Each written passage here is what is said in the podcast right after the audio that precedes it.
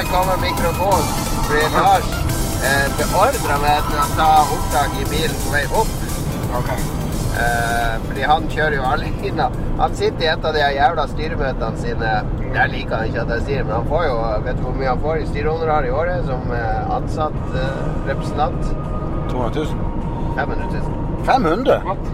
What? I mer enn ett styre, da, antar jeg. Ja, ja, de styrene bruker så mye penger. Det er ikke rart det er krise i mediebransjen. Nei, herre, fy faen. Korrupsjon. Det er jo det er bare kødd, da. Men vi tar det etter klippet. det sånn. Det er hardt at det går til helvete, sier bare. Ja, det er, det er 500 000 for å sitte i et styre som skal bestemme at de skal lage fake news. Sånn er det. OK, vi er hyttetur på vei opp. Eh, Det her er jo den eh, mest intelligente bilen, vil jeg påstå. Her har vi en doktor. Doktor eh, Sient. eh, Doktor Rocket Espen Lund. Hva er det doktor Hva, hva er det du har bak DR? DR punktum. Nei, jeg har ikke jeg har ph.d. ja. PhD? Ja. Er ikke det sånn surhetsgrad? Det er ph, det. Ja. Ja. Ja, men Ja, altså, de har slutta. Før, før så heter det doktor Sient, men de har slutta med det. Nå ok, er, ja. nå er det bare ph.d. Hva står PhD for? Så for filosofere doktor, doktorer, men det Ja, nettopp. Så du har ph.d. i eh, fysikk. Kvantefysikk, nærmere bestemt. Ja, sånn uh, Kjernefysikk. partikkelfysikk. Partikkelfysikk. Eller elementær partikkelfysikk. Ja, så har vi en annen her. Du har ikke noe utdanning å vise til, men du var jo uh, Det er Espen, da, som har ph.d. Altså, du, har, du var jo kanskje Norges mektigste hacker i gamle dager, og en eh, eh, En av Norges beste programmerere, vil jeg påstå. Kaste bort livet ditt i, eh, i et selskap vi ikke skal si navnet på. Men eh, du, er, eh, du har jo også vært gjest i Lolbua mange ganger utenom hytteturen. Du er jo vår eh, fu, eh, Hva skal vi si? Futurist? Ikke futurist, men fremtidsviter. Småmann, AI-orakel osv.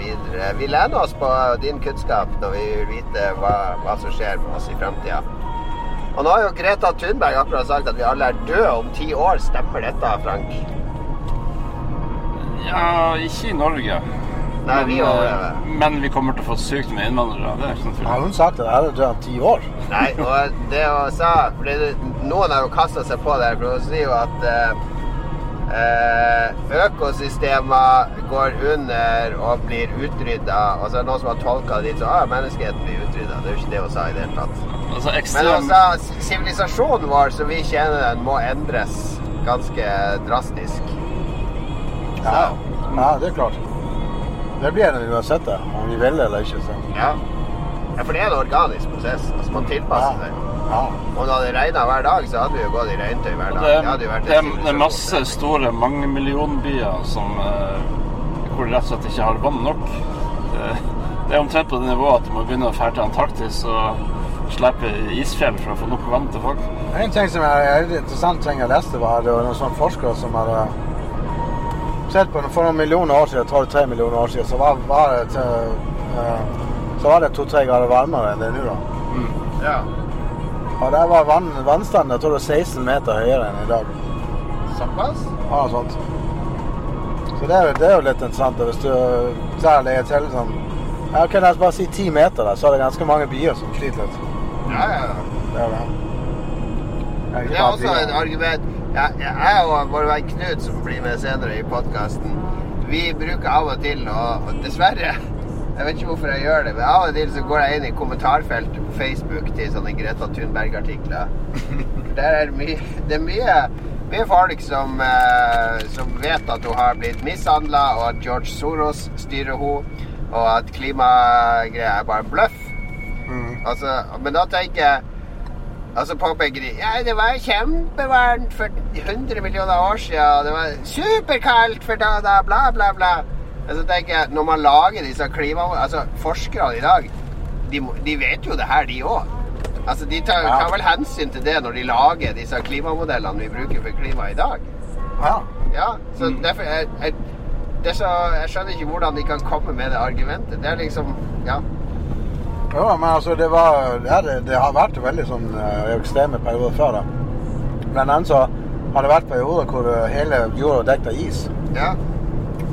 Og og en periode hvor det har vært veldig varmt og vært veldig um, mye oksygen og lite oksygen og bla, bla, bla. Ja. Det som var dyrelig, var liksom bare en sånn liten dal midt på ekvator omtrent. ja. Så det er klart det er veldig sånn uh, har variert mye da. men det betyr jo ikke at det var, noe, at det var noe trivelig å leve der. Liksom. Ja, nei, nei. Og, og det som er spesielt, er at vi er på overtid for en istid nå. Men Ja. det er ikke akkurat den Istid hadde jo vært bra for Norge, for vi er jo en vintersportsnasjon. Ja. Da hadde vi stilt Da måtte jo andre nasjoner slenge seg på vintersport, for det er ikke mulig med sommersport lenger. Og da er vi en stor fordel, for vi er liksom Vi er så langt foran de allerede. At vi hadde hatt masse, masse isbiter til, uh, til whisky og sånn. Ja. Og gin tonic. Ja, Det minner meg på Det må vi ordne opp på hytta, faktisk. Det er bestilt isbiter. Ah, ok. Alright, men vi er i bil på vei oppover. Vi nærmer oss Gran. For de som ikke er lokalkjent på Østlandet, som vel er veldig få av våre lyttere, går jeg ut fra. Så er Gran er, uh, utmerker seg med to ting. Det er et tegneseriemuseum som jeg aldri har vært uh, på. Er du det, Frank? Frank, du er jo veldig tegneserieinteressert.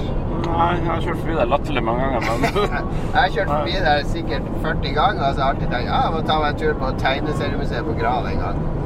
Uh, Men er det sånn Finnbekk og Fia og sånn, eller? Donald og alt. Jeg vil tro det er veldig sånn norsk sånn. bygdeorientert, så det er Stumperud, Mm. Jens Stumperud og Finnbekk og Fia og sånn drit. Ja. Uh, men jeg vet jo ikke. Eh, det andre jeg er kjent for, er vel at han eh, Lars i Level Up han eh, kom bort på Gran, tror jeg. Jeg plukka det i hvert fall opp der en gang da vi skulle ha innspilling på hytta. Og noe mer tror jeg ikke Gran er kjent for. Det har leirskole og litt av hvert. Så vi nærmer oss Randsfjorden og Hov og hytta til syvende og sist. Ja, ja. Det er jo sånn Ja, det er verre enn. Det er jo faktisk. Så um, Det er litt samme greia med Watergate, hvor de prøvde å Det var et innbrudd i, Demokratene sitt kontor for å Mm. finne papir Finne bevis. Finne et eller annet om, så de kunne bruke det. Mm. Det er ikke nødvendigvis snusk, men uh, strategi, valgkampstrategier og whatever. Ja. Så, et.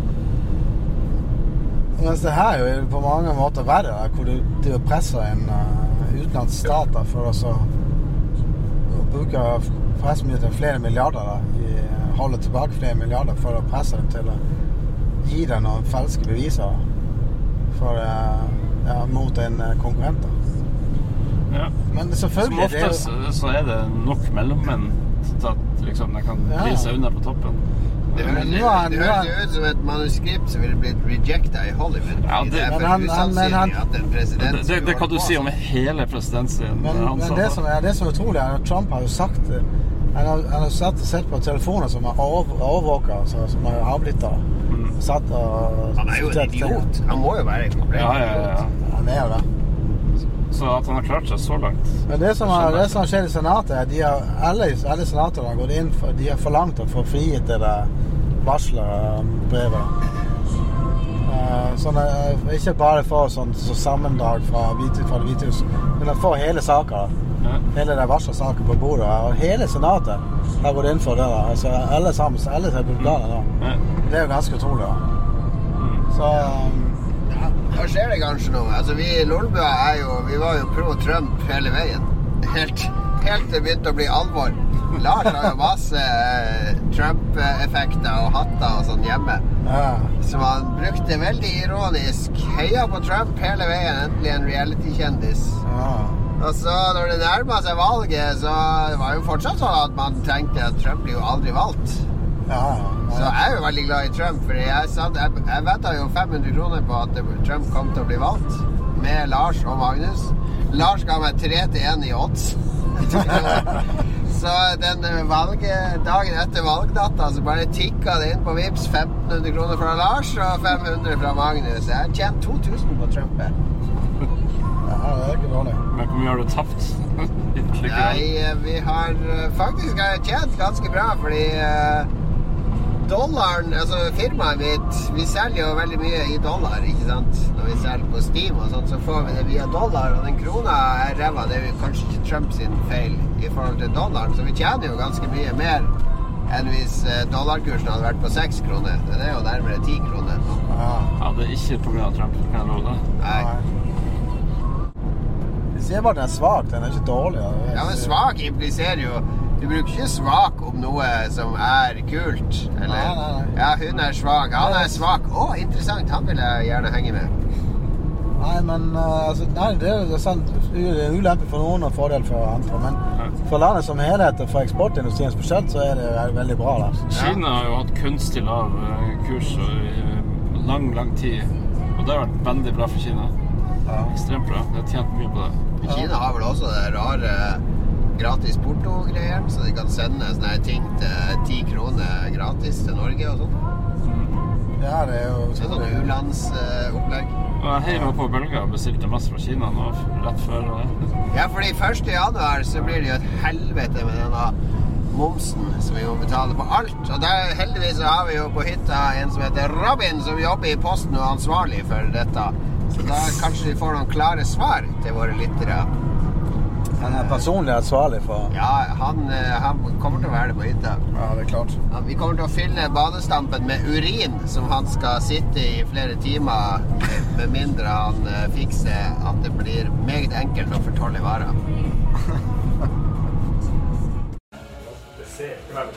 All right, hvem vil begynne? Ja, vi må få ut Her er de tre fuglene som uh, man kan hente. Hvis du plasserer action nede på vannet, så kan du plukke en av disse. Her er en vannfugl koster en larve, gir fem poeng, har det røyre. Den har power at uh, når du aktiverer den, får alle spillere trekke et fuglekort. En måse. Harstadfugl. Koster to valgfrie mat. Vannfugl, fire poeng. Uh, when activated så kan du ta et kort fra hånda og gjemme bak den. Det blir ett poeng, for, og da får du også trekke et nytt kort. Og det blir poeng i slutten av spillet. Og det siste er en skogstjerne.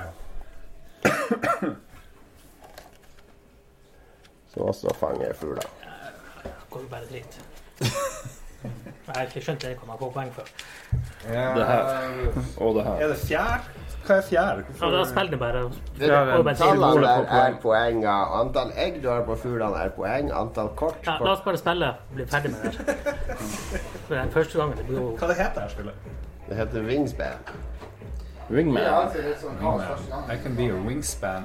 Ja, jeg kan begynne her, siden jeg kan det. Da tar jeg én sånn kube og plasserer der jeg skal gjøre noe. Så jeg plasserer den her. Jeg skal play a bird. Eh, jeg skal spille ut den fuglen der. En skogsfugl. Det koster en larve og et korn. Ja, så runde én får vi bare spilt ut én fugl? Nei. Nei. Ferdig. Ah. Lars sin tur. Okay. Eh, kan jeg, hvordan kan jeg få en av de fuglene? Og er det noe vits Der. og, og Der? Da putter du brikken din der. Da vil jeg ha et nytt kort. betyr det. Ja, så kan jeg bare ta en av de. Riktig. Men liksom, hva er poenget med å ta en derfra i stedet for å spille et av de jeg har på kortene? Ja, men hva gjør du når du har spilt ut de to? Nei, jeg vet ikke, da må jeg plukke opp. Riktig. Ja. Hvor mange kort kan jeg ha på hånda? Så mange du vil. Ja, da, da, de fuglene her. Ok. Nei, men da tar jeg Kan jeg ta den og spille den ut samtidig? Nei, Hva er hensikten? det? No! for da må du putte den der for å spille ut. Hvor mange actions har du? Vi har åtte. Men det, den, det er veldig, går veldig kjapt å spille når jeg spiller det her med andre. Det er, du har Men det her er jo første gang vi spiller. det. Ja, du må få ut fugler. Ja, ja, ja. Du har mat, du har fuglekort. Få de ut. Det er ikke det er no-brainer runde én. Ja, ja, men jeg er jo Alt annet enn å få ut en fugl er en dårlig action i første sint, runde. OK, jeg kaster ut meg dritfugl. Skal det være noe her? Ja, man, Jeg kaster ut en fugl! Hvor, plasserer actionen? Her, sånn. Ja, den på den der. action du skal gjøre. Ja, det er en vannfører. Du må betale de tre. Er de.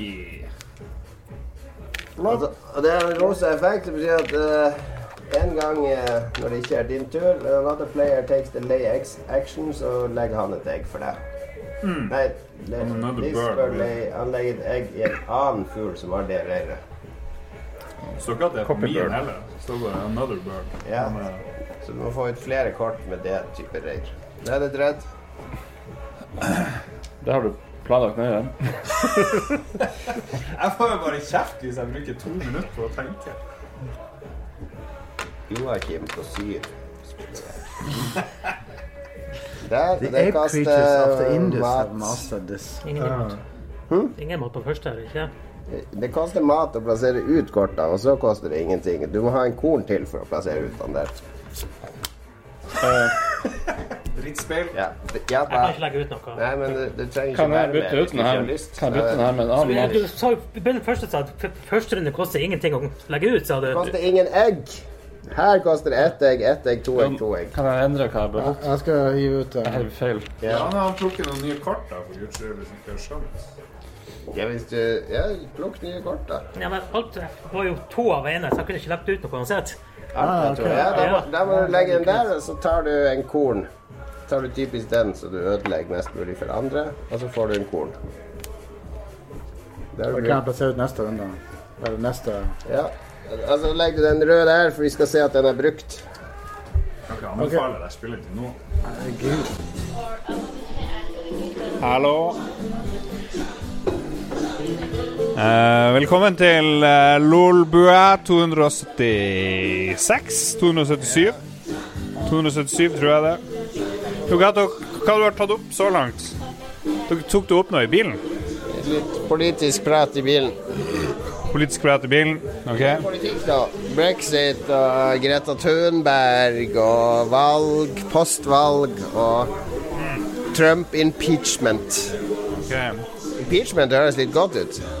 The peach. I could eat a peach for hours. Ja, ja, ja. Uh, face off. Face off. Tok det. Uh, vi er på hytta, og jeg ser at det er kommet en ny hytte veldig nært som de å bygge, så det er jeg litt skeptisk til. Ja, men det er sånn, sånn uh, Det er ikke jeg skeptisk til. Folk må jo få lov å ha hytte her oppe. Jeg driter nå de i hvem som bor der. Ja, men vi står jo og urinerer og springer naken her ute. Ja, og så? Ja, er det lov, liksom, egentlig? Det er ingen som kommer og klager.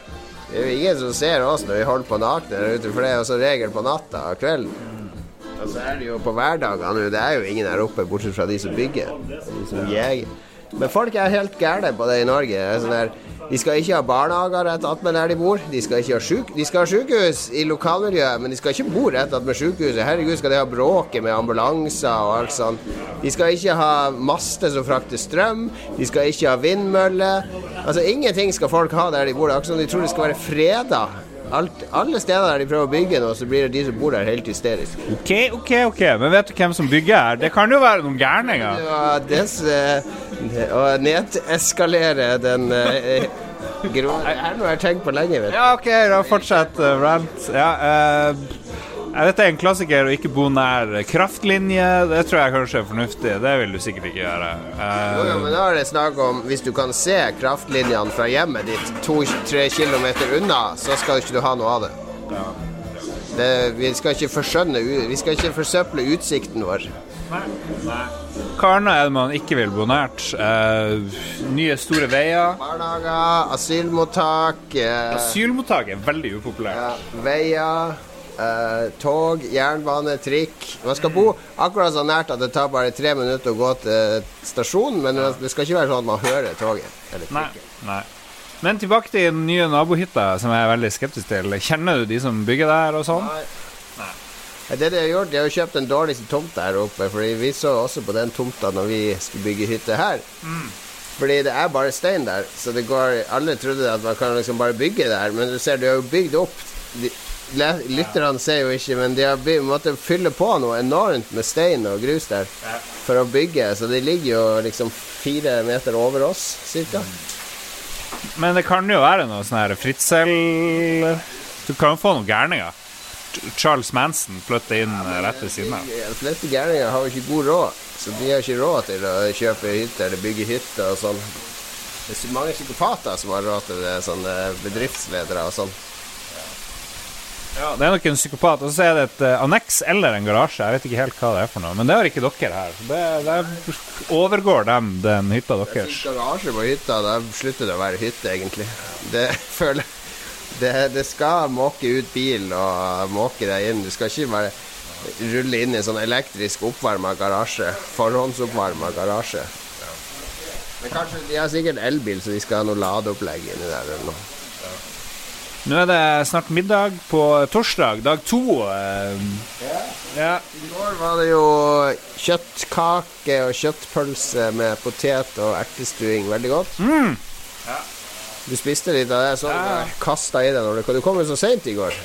Ja, kom sånn her halv tolv-ish. Eh, Dere kom tolv på dag, dagen, tror jeg. Ja, omtrent. Men vi, holdt, vi måtte jo opp og ned og shoppe og fikse ting, så vi var jo ganske sliten når du kom.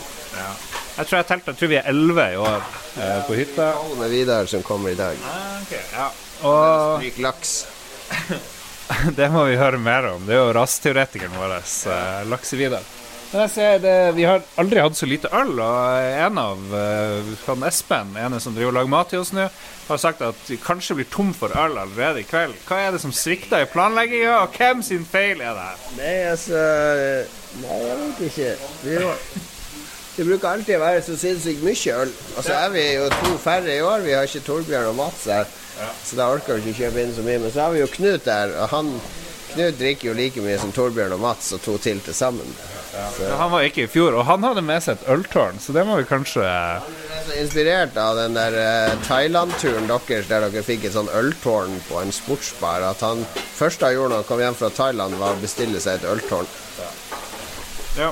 Nei, så han tok med øltårn, men det, det knustes litt, så det driver og leker og noe greier. Og, Ikke helt uh, brukende. og det var ingen som ville Han fylte det opp med sånn en sixpack med øl, og så var det bare han som drakk det. ja, Alle trodde det var hans, tror jeg. Jeg tenkte at det var kanskje litt sånn der skjettent, eller ja. Jeg fikk litt dårlig samvittighet, eh, kan du si. Ja. Men, men eh, Er det noe spesielt nytt vi skal gjøre i år? Er det noe nytt enn å spenne med årets hyttetur? Vi skal egentlig beise litt. Ja, det Basing bruker å være en sånn her kjip ting. Ja, vi kom opp, så det har ikke vært noen mulighet for det. Hva er det vi skal beise? Verandaen ute og noen vegger. Hvor ofte skal man beise en veranda. Vi gjorde det jo i fjor eller et eller annet. Nei, hvert femte-sjette år må vel knukke på litt beis. Ja vel. Vi skulle vaske stampen, da, men det, det har jo vår venn doktoren gjort. Han fra 113. Lege Mats Gilbert. Lege Mads Gilbert er her. ja. Nei, i fjor så var Stampen i U-laget, så da ble det ikke noe stamp. Ja, det ble den laksen, men nå er den tett som en sild, og nå er den jo kjempevarm, så det går an å stampe om et par timer.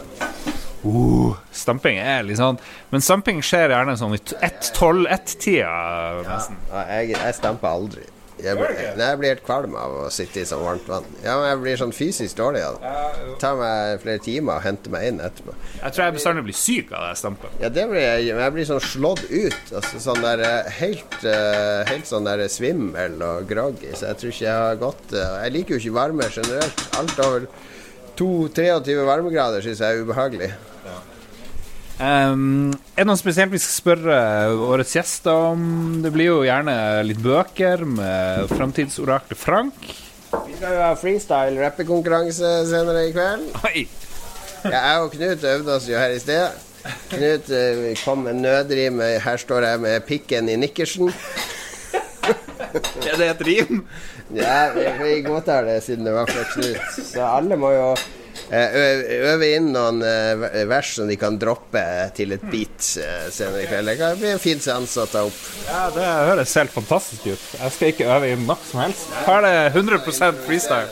Det blir battle, da, så vi må kåre en vinner. Eh, Så må vi snakke med kokkene om årets uh, omfattende Nei, men jeg, hadde jo trodd, siden vi hadde en heftig diskusjon om fårikål på vårt uh, Harstad-vennerforum uh, Jeg er jo ikke noen fan av fårikål, det har jeg snakka mange ganger om i podkasten. Men så er det noen ivrige forkjempere for fårikål, inkludert de to kokkene, da. Ja.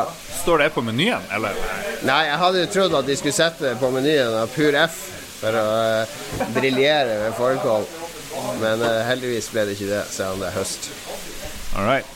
Nei, men da er vi ordentlig i gang her på hytta, tenker jeg. Oh, yeah, oh, yeah. Du har spilt brettspill i dag og greier. Ja, ja, ja. Spilt brettspill. Vi, eh, vi skal lese bøker. Jeg har begynt å spille Zelda, Links Awakening, og vi spise masse. Jogga. Har du vært ute av døra i dag? Nei, nei, ikke ut av døra. Men vi skal på sånn fjelltur. Jeg har aldri vært med på fjelltur, jeg tenkte første gang jeg skulle være med i år, da. Det blir vel på lørdagen, tenker jeg. Så det klarer litt. Det blir bra. Jeg gleder meg. Ja, jeg spilte Hva var det vi spilte? Wingspan? Nei, Wing... Wingspan, ja. Det er sånn lage fabrikkspill der du lager masse synergier og effekter. Det var 177 kort med unike fugler. Det imponerte meg veldig. Ja, Du ble imponert. Tenk at det finnes så mange fugler. Ja, men hvor mange fugler, fuglearter kjenner du, liksom? Jeg kan være tre. Du har måse, kråke og kjøttmeis. Liksom. Hane, Ja, ok, Fem, ormene, rype. Du har svale, svane, struts, pingvin, kongepingvin, tiur, spurv. Den nevnte jeg. Alle fugler små de her kommer. Gjøk og sisik, trost og stær. Ok, du klarer kanskje 20. Det er liksom Lerke, Lerke. eh, Hva heter kolibri? olivia, undulat, Kakadu Dodo. Kakadu, dodo, den er død utdødd. Ja, det er Kakado, papegøye, ara, Påfugler, har vi sagt det? påfugl, er lov å si. Ja. Eh, flamenco, er det, det er jo ja. Det er også Tyrannosaurus rex. Fugler kommer jo Jeg tror vi er på 30. Maks 30 fugler. Men det er 177. Noen fugler, Espen. Blumarstitt. Blumarstitt. Dumpa. Ja, det her blir flott. Norges nasjonalfugl. Norges nasjonalfugl. Nei. Fossekalv. Fossekallen, ja. Fossekallen er nevnt. Ingen glemt. Hvis dere lyttere vet navnet på noen fugler vi glemte, så ta og send de til uh, radcrew.net. Ikke til oss. Vi vil ikke ha Det stemmer.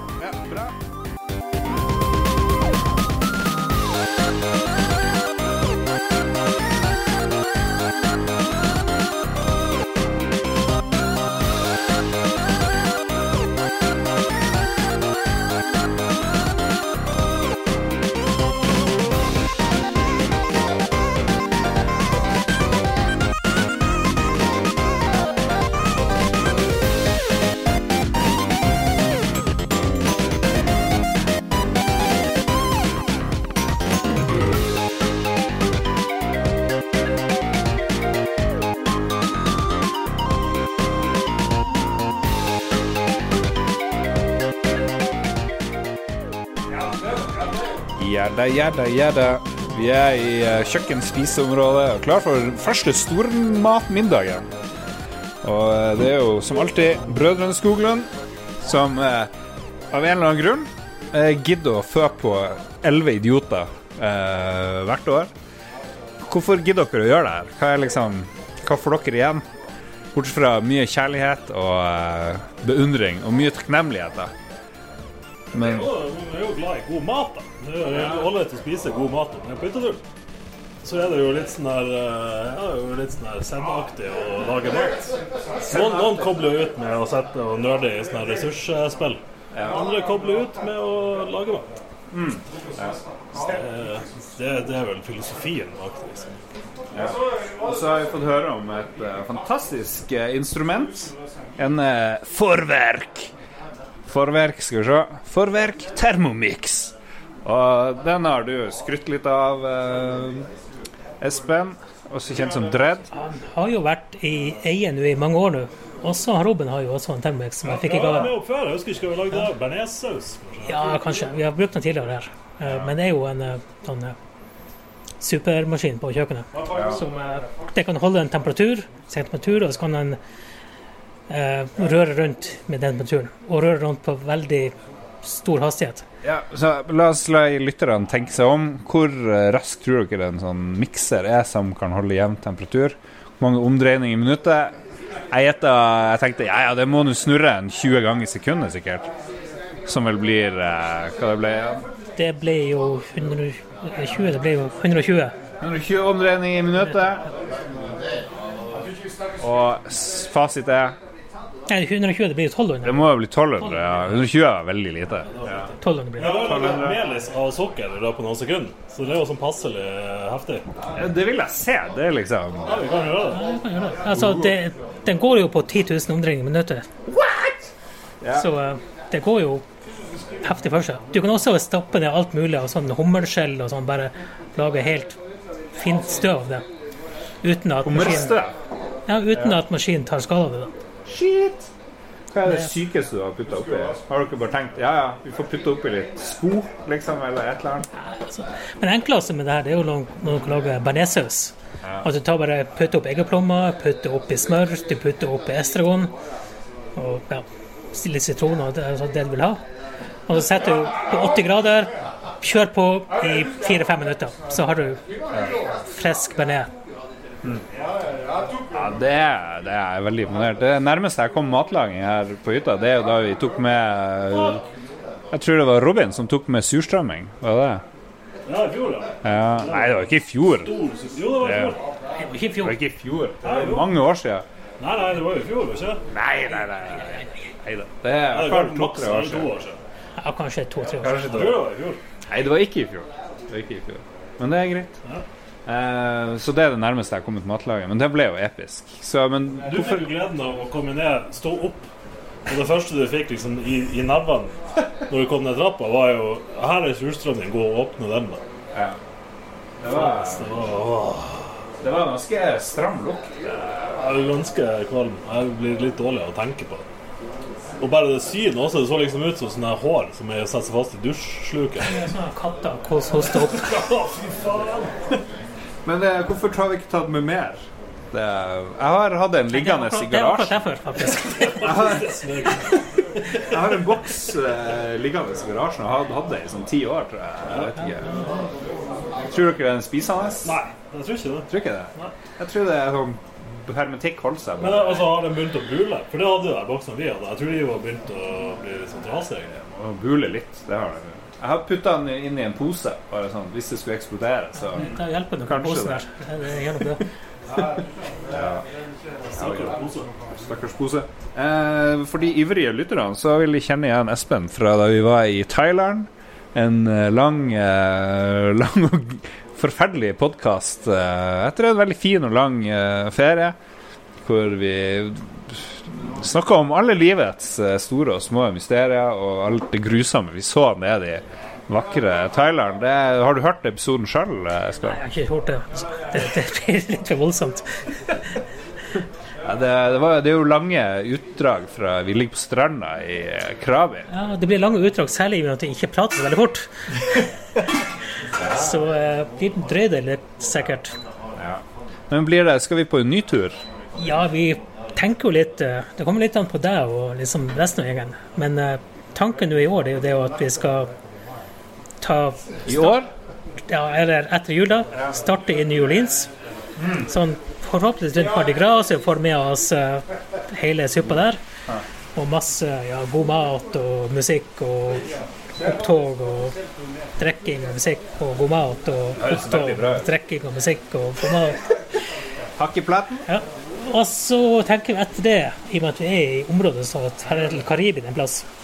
Eh, første tanken var jo Cuba. Det er jo er et opplagt mål. kult. Men det er også mange øyer, andre øyer, du kan Guadeloupe for eksempel, og den type ting vi kan fære til, som er litt mer ofte biten trekk, kanskje. Og så er det ikke Jeg tror ikke januar-februar er sånn her eh, stormsesong, er det det? Nei, ikke. nei, nei, jeg tror ikke det. Her blir jo mer i slutten av februar, begynnelsen av mars, kanskje. Okay. Ja, men det er bra. Da har jeg kanskje Jeg driver jo og pusser opp masse drit og har kanskje litt lite penger, men februar-mars, kanskje, kanskje da har jeg litt penger. Men det her må jo bestilles om ikke så lenge. Det er jo Det er det. Ja. Særlig hvis vi skal til New Orleans, for der er det jo og Selv hvis vi skal dit i Mardi Gras. Det er jo eh, høysesong for New Orleans akkurat da. Men vi kjører vi Airbnb da, eller? Nei, Vet ikke helt. Vi får se. Jeg har noen Jeg tror- de er nede i Bali. Det er jo veldig bra med Airbnb og sånne ting. De har sånne her palass. Jeg tror ikke vi klarer å få det samme hotellet vi har i Thailand for samme pris, for å si det sånn. Med vår egen lounge og greier og Ja. flekker rundt i. Executive Lounge. Det var nice. Ja. Nei, men jeg gleder meg. Jeg syns USA, Sør-Amerika, Mellom-Amerika, et eller annet sånt. Kanskje ikke Sør-Amerika. Jeg blir jo Karibien er vel ikke Sør-Amerika Nei, Det er ikke- Det er vel Karibia. Eller kan vi ta litt sånn uh, Bolsonaro-ferie og Colombia-ferie også? Litt sånn Hai Octane-ferie. Vi planla jo å hoppe i eh, fallskjerm og sånne ting. Det er jo billig, litt sånn lavkostland. Ja, det er billig. det er sikkert. Jeg hopper i fallskjerm i Kroatia. Det var jo billig, men det er jo sivilisert land, da. Så det gikk jo greit. Ja. ja. Men hvordan var det? Jeg anbefaler det. Jeg har litt lyst. Nei, der var det jo veldig fint. Da fløy jeg opp i rett utfor uh, Sadar. Ja, ja. Med kysten, så fløy opp sånn på kvelden, så var det sånn solnedganger, sånn, så hoppa du ut i solnedgangen og ligger og fløt der. Og så utover. Du drev og hoppa med ei dame. Var hun eh, instruktør, eller hva? Nei, hun var med i et bryllupslag som vi hadde sånn etterparty på. Så var det noen andre som hadde hoppa dagen før, så hadde vi, ja, vi må jo ta, vi òg. Og så hadde de, fikk vi plass da den dagen, vi to. Ok, så to folk som aldri hadde hoppa i fallskjerm før, Altså, fikk det er hoppe jo i lag? tandem, da. Så det er jo Du hopper ikke alene. Du har jo en sånn dude på ryggen. Ja, ok, Så jeg trodde dere hoppa i lag i fast Nei, det ville vært det, det tror jeg ikke vi hadde gjort. Men du får jo styre sjøl og sånn. Og, Men akkurat landinga sånn, det tar jo han duden seg Uh, fast del av reisen du føler må være litt uh, gokart. Det var ganske gøy. Skyting. Skyting var veldig gøy og veldig farlig. Det sto jo noen kinesere eller hva det var, og skjø- eller sikta på oss da vi kom inn i denne hallen. Det er jo helt latterlig. Jeg har vært på skyting i Thailand og Norge. Det, er litt forskjellig når det kommer til sikkerhet der. I Thailand var det sånn, de pekte jo bare sånn våpenet mot, og så visste de hvor avtrekkeren var. Så når du trykte på avtrekkeren, så trakk de tilbake. Ja, det går bra.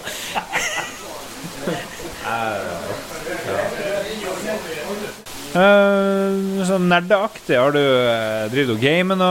Har du lest noe? Sett noen bra Det er filmer? mest nå med telefonen å spille på, eller spille på, det er faktisk å gjøre på Duolingo. Ja, Det holdt du på med nede i Thailand nå, tror jeg. nei, jeg begynte nå i, i sommer en gang. Så, Ah, ja, ok. Hunderdistrikt nå, eller noe sånt. Hvilket språk er det du prøver å lære? Det går på spansk. Altså. Så. Ok, så det er en, du driver og forbereder deg til neste reise? faktisk. Ja, problemet er at hvis du får til Guadeloupe, og sånn, så er jo det fransk, ikke spansk. Så må kanskje forandre reiserusa og dra til Cuba istedenfor. Kan du, kan du si noe særlig greier på spansk nå, da? eller?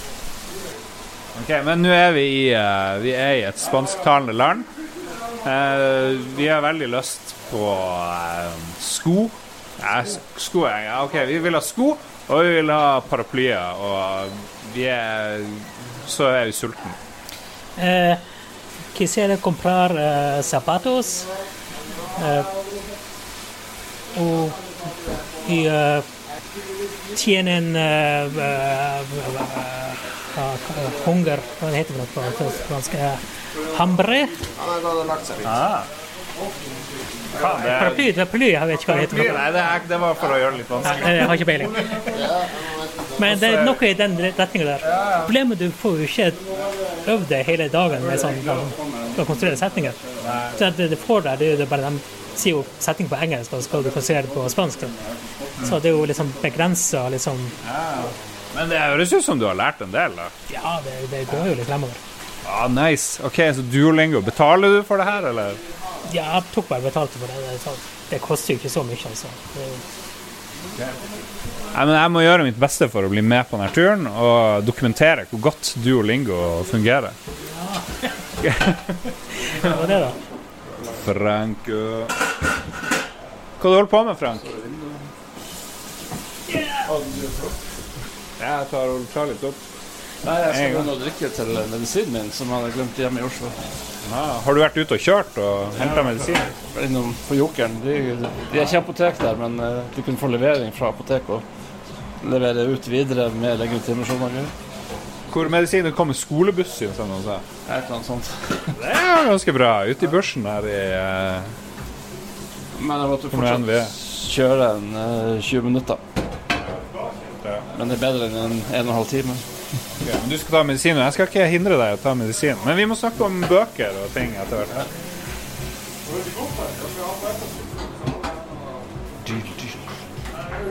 Mens eh, Franke skal ta sin medisin, så går vi bort til eh, Robin Skoglund. Hallo! Hallo! Du har vært i uh, Hongkong masse. Ja, var jo der borte Ja. Hvor lenge? Det er 20 dager, tror jeg. 20 dager? Det var jo opptøyer da du var der. Det var det. Det er, vel, det er jo litt vilt. Det, vi havna i opptøyene også. Vi var jo med å demonstrere, på sett og vis. Ok, Så dere sympatiserte med Ja, jeg gjorde jo det. Ja. det, det, var, det virker som de fleste liksom gjør det.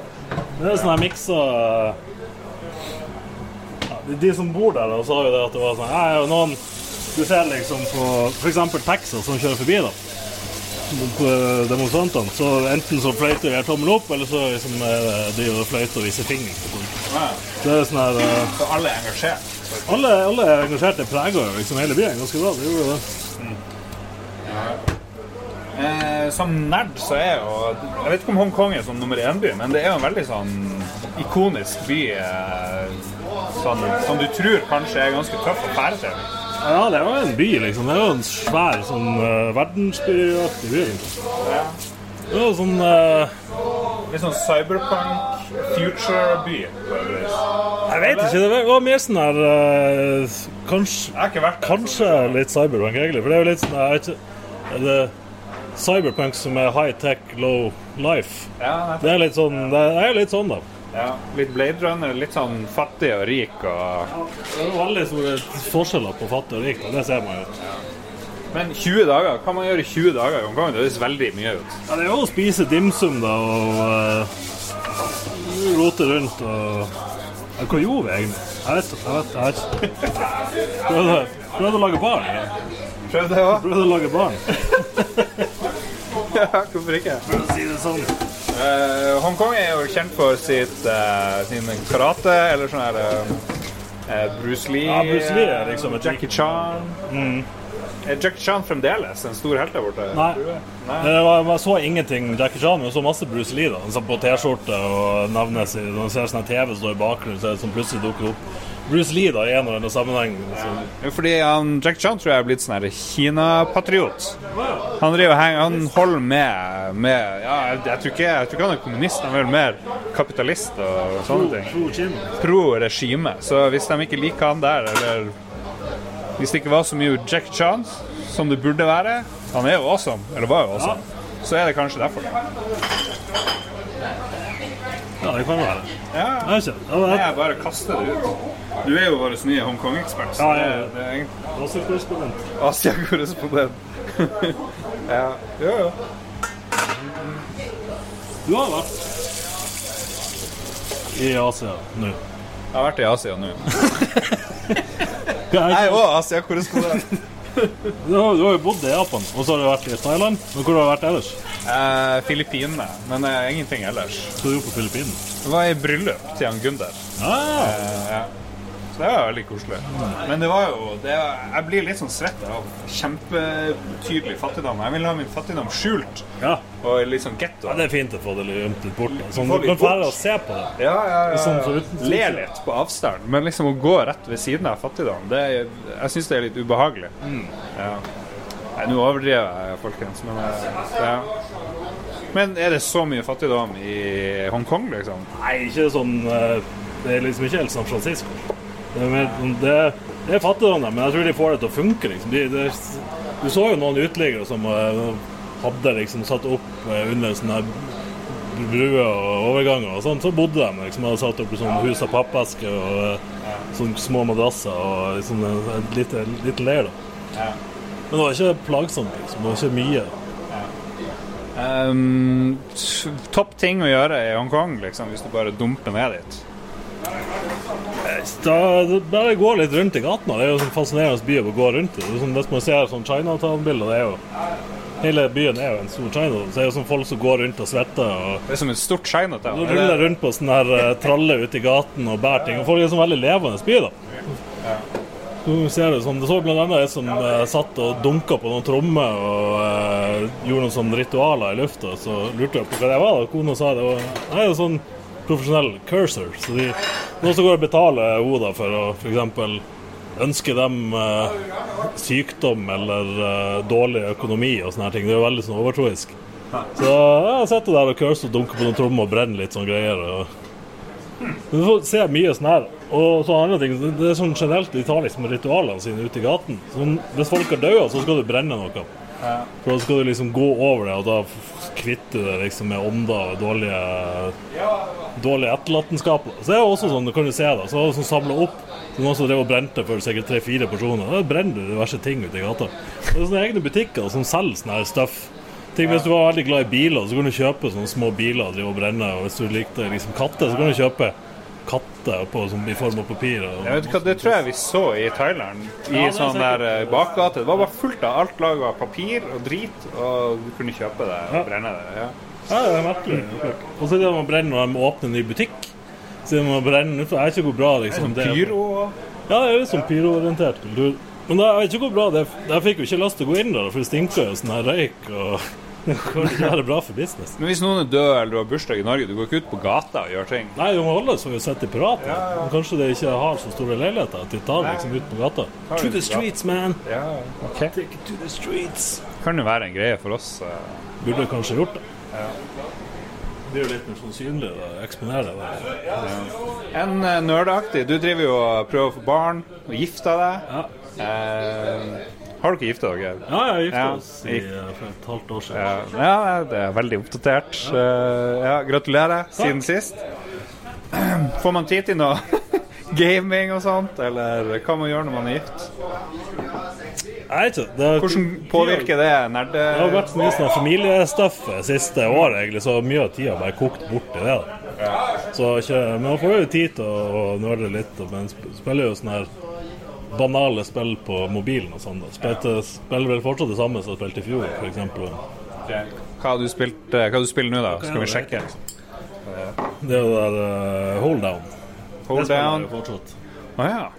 Og så siste tida, siste uke eller to, så har jeg begynt å spille litt uh, Homescapes med, med kona. Det er sånn her, hva det heter sånn type spill hvor du dropper du får tre grønne på rad, og så ah, ja. forsvinner de, og så Match 3. ja, match tre, match fire, fem. Så er det litt sånn koselig spill. Sånn trivelig musikk som du kan holde på liksom, i bakgrunnen, så, som blir man veldig avslappa. Fjorårets vinner var det Hold Down, og du holder faen meg enda på. Ja, jeg gjør jo det. Hva er det? så er det liksom jeg må, må holde meg der, da. Så det er liksom Er du nummer én? Nei, det er jeg ikke. Jeg var nummer 11 sist jeg sjekka. Husker du hvor dypt du har kommet ned? Er det 1300 og noe meter? 13, ja. Hvis ikke i fjor 14. Å, treg. Hold down. Hold Black hole best dead. 1374. Fuck. Det, ja, jeg husker ikke hvor mye, men jeg er over 1000, tror jeg. Det, Ja. Men jeg vet ikke, jeg tror Ikke så. Du er 1196. Du heter Awesome Commando. Ja. Det er jo greit. Det jeg Hva skjer her på kjøkkenet? snakker om uh, mobilgaming. Ja. Han skryter Han er i verdenstoppen på holdout. Det er jo enda å spille Holdown. ja. Ja, traff meg hjertet. Svensk. Svensk verden. Men er, er du interessert i Apple Arcade? Det er Ja, det er Nå skal jeg jo få installert det etter hvert. Det så det er Det er ganske jo mye bra spill. hvis du har Ja, oppdatert ja, ok, jeg skal 13. trykke aktivere trial, da. Og så skal ja. Men det irriterer meg. Det er jo ikke en egen app. Du bare går på AppStore, og så er det en tab som heter Apple Det er en underkategori på AppStoren. Men det, her, det blir så deilig. Herregud, hvor mye dritt, reklame og in-app purchases det Er det fortsatt lov med in-app purchases i Ja, det tror jeg. Det tror jeg. Så du blir ikke kvitt det? Jeg tror ikke det er noen spill som har det. Ja. Men det var veldig deilig å bare kunne scrolle nedover en liste og vite at alt det her er sikkert bra. Det er jo gøy. Ja, mye bra der. Ja. Matte Golf er jo fantastisk. Ja, det har jeg spilt. Det anfalt jeg i forrige Lolbua. Pluss den der Skate City, eller hva heter det. Ja, det er norske. Ja. Jeg visste ikke at det var norsk, men det burde jeg ha skjønt, for det var norsk språk. er til oppe ved Sinsenkrysset. Ja. I kontor. Har du prøvd noen eh, Apple Arcade-spill? Bortsett fra Mosaic? Ja, Det har jeg har spilt mest, i er Grindstone av en eller annen grunn. Det laga de Cappy, som hadde Below, som ikke ble den store suksessen. Nei, nei. Men uh, det her er bare skal bare tegne, sånn rutenett med fiender. Skal du tegne strek gjennom de, samme, de med samme farge. Mm. Og eh, det var et eller annet der som fenga meg. Det at jeg vet at det ikke er gratis. Da vet jeg at økonomien ikke er fucka. Er vridd til at jeg skal holde ut uendelig lenge eller måtte kjøpe noe. Men er det å få 100 spill Jeg vet ikke hvor mange det er akkurat nå, da, men det er jo ganske veldig 50-60, så eh, det er jo sånn at det er for mange til at jeg klarer å, jeg orker orke å teste. Det er jo vill value for money, er det ikke det? Ja, det er det. Ja. Jeg er sjokkert. Og så betaler de alle de her ganske mye penger. Ærlig, ja. Ja, alle har jo fått penger for å være med på det. Så jeg vet ikke helt Ja, ja. De er jo så store, de har jo så mye penger at de kan bare kaste det i dass. Og de bryr seg ikke, men ja. Men tror du det blir det en hit? Du er jo veldig eh, inhabil, men hvis du tar på deg Jeg, jeg, jeg, ikke, jeg er ikke helt sikker.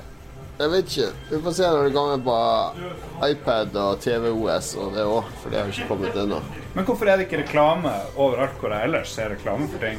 På TV eller på nett mest da, og Facebook. Hvorfor er det ikke Apple Arcade? Apple Arcade. Jeg vet Apple ikke. Arcade. Jeg vet ikke. Det er sånn anonymt. De Ja, de har ikke så mye reklame generelt. De er veldig restriktive på det.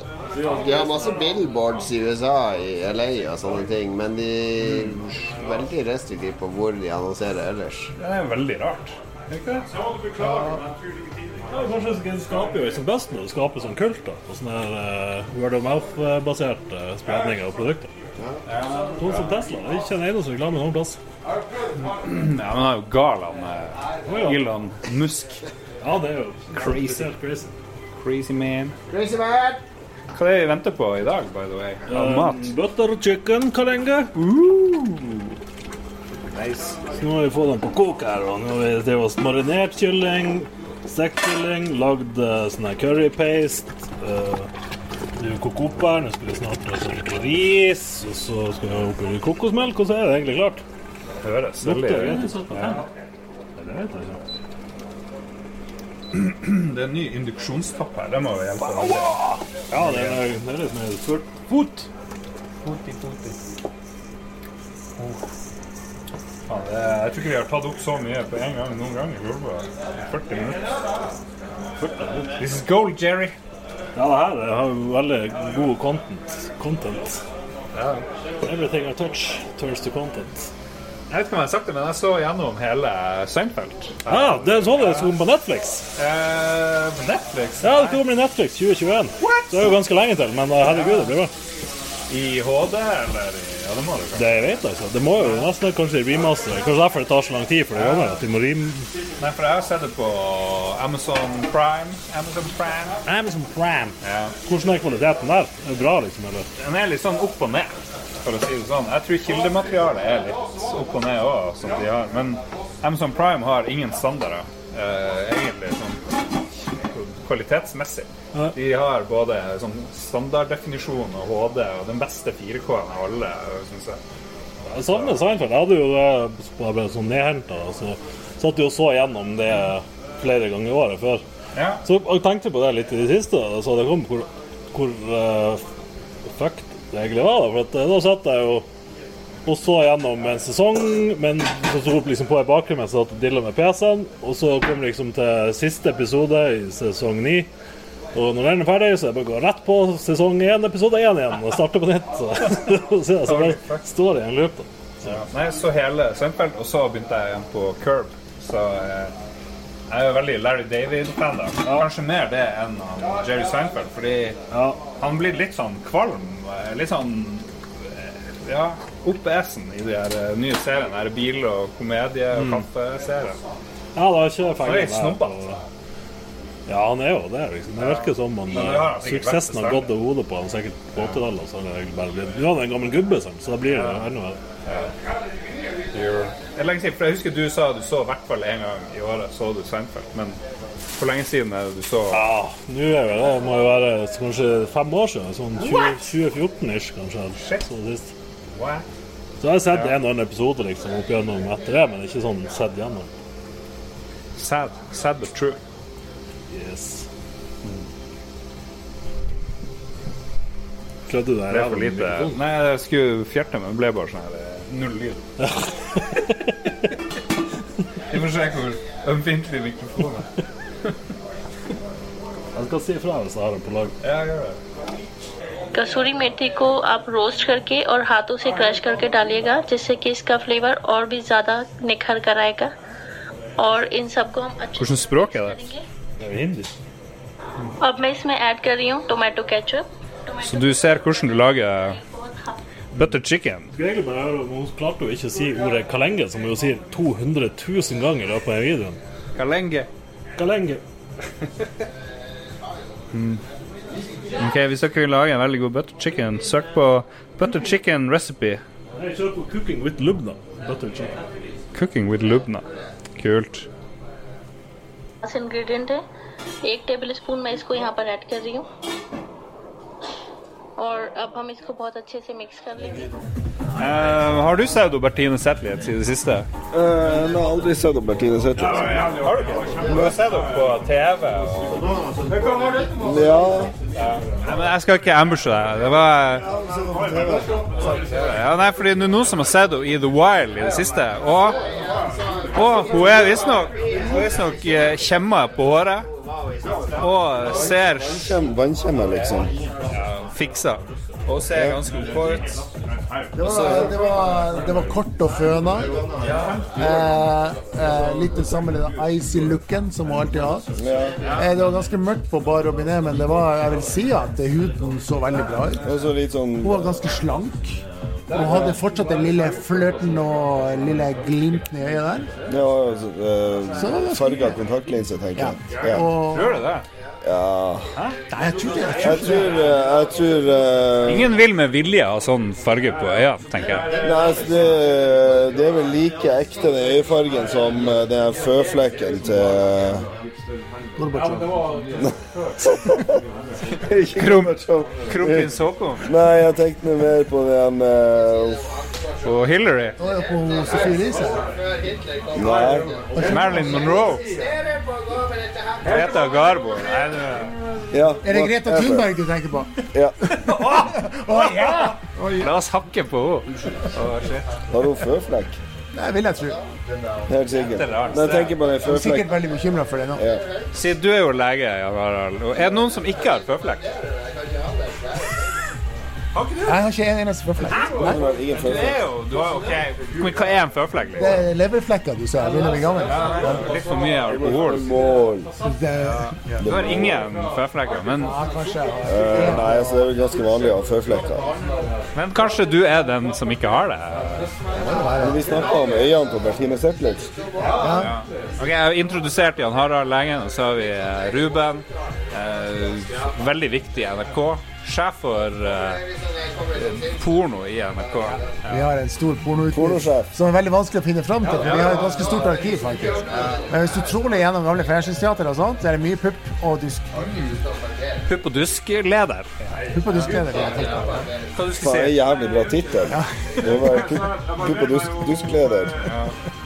Det er Men før vi slipper på uh, Bertine Zetlitz, hva holder hun på med nå, tror vi? Det er ingen som vet, men kan vi gjette. Nei Men hva Bertine kan Hvor er hun fra? Hun er, hun er ikke Hun er helt sør, Ja, ja, sørafra. Ja, men, Sørafra. hun er noe sånn fra Oslo Liertoppen, liksom. eller Hamar Jeg tror hun er ganske høyt oppe i den kulturelle Det tror jeg. skolesekken-systemet. Det tror jeg. Kulturelle skolesekker. Ja. Bertine Ja, jeg tror hun har et professorat der. Jeg tror at hun skal begynne med sånn eh, At eh, kanskje hun skal begynne med sånn engleskole i lag med henne der som hun Märtha ditcha når, Jeg vet hva, det er ikke når hun begynte å ligge med. Durex. Durex. Ja, Durex. Ja. had, Märtha hadde jo en sånn kompanjong, og så ditcha hun for at hun begynte å ligge med Durex. Kompanjongen lå med, med Durex. Kompanjongen til Märtha.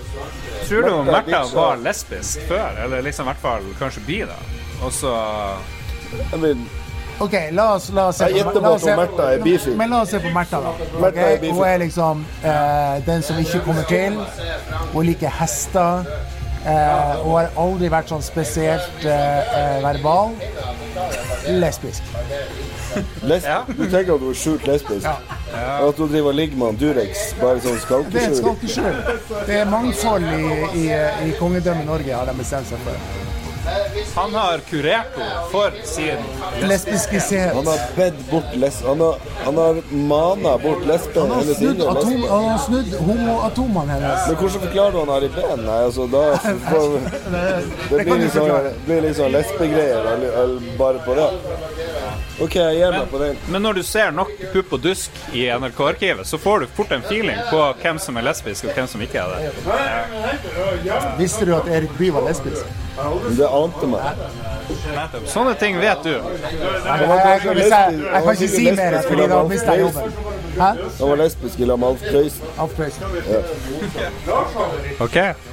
Uh, Nå bare så alle Hva som skjer? Har du skjeggvekst, kan du ha skjegg. Jeg kan ha skjegg. Men det blir noe sånn fjessprat, uh, dritskjegg. Ja, ok. Det er køllehår. Går det ikke? Men du, Nei, går ikke. Kanskje. Du har hatt skjegg, Lars. Ja, ja. For Frank har nå putta i testamentet Jeg har jo drømmer om å se Frank uten skjegg en gang. Før han dør. Og det Ja, kommer ja. skje, men nå, får jeg, nå står det i testamentet til Frank at jeg får, jeg får lov å barbere han etter han er død. Ja, men det blir så fint skille da, mellom brunfargen og det andre. Har han skrevet det i testamentet? Ja, jeg skal få barbere han etter han er død. Når så du han uten skjegg sist? Var det så en liten opp? Jeg gleder meg til å se- jeg at han Jon drar Jeg har aldri ned sett buksa. Frank uten skjegg. Han har hatt skjegg siden han var 18-19 år. Ja, ikke sant, barbere rundt kuken og sånn for å få Det var snakk om skjegget på i ansiktet. Og plutselig så blir han sånn der Jon har et sånt sterkt ønske å se som pornopung på Frank. Det hadde jo pungen det Frank. Det var du som Du kan putte i ditt testament at jeg skal få lov å barbere pungen din. Ja da. Du skal få lov til å vandalisere meg så mye du vil. Få lov å dokke så mye du vil. Det er ingen problem. Ja da. Du vet alle som hører på Lolbua hva dokking er. Du må forklare Det er mulig at du må ha noe Ja, men dokking er jo to menn når du putter din, eh, ditt penishode under forhuden til han andre mannen. Ja, eller motsatt. Ja. Du kan være dominant dokker eller submissive. Men hva er hva... Jeg, jeg syns du skal ha en sånn spørreundersøkelse på, på Men hva med Jeg er jo, jeg er jo omskjært, så jeg er jo ute, utelatt av det. Da er du Jeg er definitivt omskjært. kvinne. jeg. Visste du ikke at jeg var jøde? Hva skal her foregå med standard? Jeg er ikke jøde, jeg, jeg hadde det var, jeg hadde Harald vet sikkert hva det heter. Jeg hadde sånn her eh, Forhuden ble tragere og trangere. Men det er stor ja, bare Det var en medisinsk greie. Analprolaps. Ja, ja. Ja, så legen sa at det her må vi bare operere, for jeg kunne ikke trekke forhuden tilbake og sånt. Det var kreft, liksom. Jeg har kreft i forhuden. Ja, dette er viktig informasjon. Jeg ser, en helt nå. Ja, det er, du kan få se etterpå, Ja, gjerne. gjerne. Det er jo, Det eh, ser akkurat ut som på pornofilm. Ja. men det foregår dokking med ereksjon eller uten? Dette, dette, må vi ha fram. Vi må ha sånn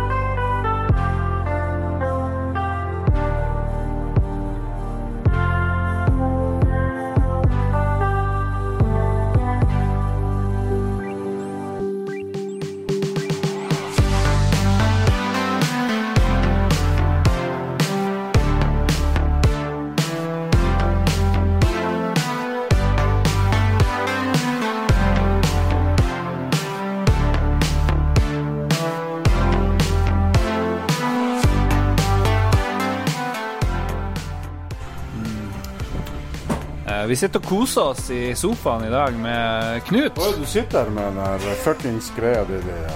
Jeg gjør det. ja, ja. Hvor det går? Litt, hæ? Takk for sist. Sist du var med i Lolbua, så var du jo i, på beachen nede i Ja, ja, ja. Da, lo, da, da jeg sverga på at aldri skulle være full i Lolbua igjen. Ja, ja jeg liker holder mine løfter, så nå er jeg fullstendig edru. Ja, du er, vi er jo alle edru her. Ja, På, Bare edru. Så vi skal ikke si noe forstyrrende eller uh, bare hyggelige ting og politisk korrekt og alt dette. Uh, jeg skulle bare konfrontere deg med at uh, jeg anbefalte deg å spille Skyrim. For du ville spille noen sånne RPG-greier. Og så sto jeg, og lå jeg i senga oppe, eller hva det enn var. Så hører jeg bare ned fra Knut sier Ja, Lars drev og anbefalte Faen, du kommer og driter her hele tida! Jeg, sto, jeg stolte rett og slett ikke på det. Nei, du sa han Lars har anbefalt Skyrim, men jeg stoler ikke på. Og hvorfor stoler ikke du på meg? Det er jo ganske brutal eh, karaktervurdering. Ja. Ja, jeg er litt, jeg er litt i tvil om Jon Cato. Jon Cato har noen rett og noen Husker jeg vært, begge vi er profesjonelle spillanmeldere, har vi vært, Knut. Ja, ja, ja. Tjent penger på Ja, dere, ja, dere gjør jo det. Du er skeptisk til oss. Det er akkurat som folk er skeptisk til barnevern. Miljøet. Miljøkritikk og sånn. Du må, vi, vi kan jobben vår, vet du. Ja, jo, kan dere det? Det er det jeg lurer på. Det er det er jo veldig sjelden jeg anbe- anbefaler et skikkelig dårlig spill. Så Ja, er det det? ja. Hva, Jeg hva med film, da? Armageddon, terningkast fem. Så tøff at På det coveret, ja. Så kult at det gjør vondt. Nei, men uh, Lars har rehabilitert seg siden den tid. Det har han gjort, ja. Det var jo bestandig likt Men det var noe med at det er en remake på det her Skyrim, og det var litt sånn der uh, for Det er ganske datert for en del år siden. Og hvis det blir litt sånn bare Ja, her, her må du bare gå i gang og spille. Da så har du rollespilleksperten Frank her òg. Ja, ikke sant? Og det jeg Frank er ikke noen stor fan av Skyrim. Det kan jeg ikke tenke meg. Nei. Franke, du må komme hit og ta en liten Skyrim-prat. Tanken bak det skillsystemet var jo eh, god, da, med å la alt være åpent. Ja. Men i praksis er det det de fikler med disse små synergiene og avhengighetene og kryss og tvers som er morsomt. Men liker ikke du verden? Respekterer ikke du den store verden eh, som er bygd, og du kan bare fære og leke og gjøre hva du vil? Liksom? Jo, men eh, jeg vet ikke. Jeg er tydeligvis for oldschool som vil ha at eh, jeg lever opp, men ikke monstrene rundt meg. Riktig. Det der og uh, Fantastisk, Frank. Det er, uh, det er derfor jeg stoler på han Frank. Han Frank har skjønt Men det finnes jo masse mods, og du kan ordne det her hvis du vil. Men kan du gjøre det på uh, Det er en veldig sånn imperialistisk tankegang at du skal vokse og utvikle deg, mens alle andre skal bare bli der de er? Ja, jeg mener ikke det. Ganske mer Ser du for deg at en ulv utvikler deg på samme måte som deg? Går en ulv på en skole og tar sosiologi eller et En ulv har jo lært deg at ild er farlig. Ja, men det er jo mer. Ja. Men du har òg lært at ild var en farlig. Men Ja, lærer en ulv at sosiologi eller matematikk ulven har stått stille i samme lokasjon i ti år. Må du ha et ordentlig spill der alle beveger seg rundt og finner på ting. Det hadde vært mye kulere. Men det er noe gøy å fære rundt i en verden hvor det er bare masse fiender som ikke betyr noe, bare fordi du er høyere level. OK, da er det butter chicken! Ok. Vi får ta det videre. Butter chicken Det er ikke siste ord i denne viktige debatten. Siste ord er ikke sagt. Siste ord er ikke sagt. Debatten om Bertine Zetlitz. Her om Bertine Zetlitz. Ja.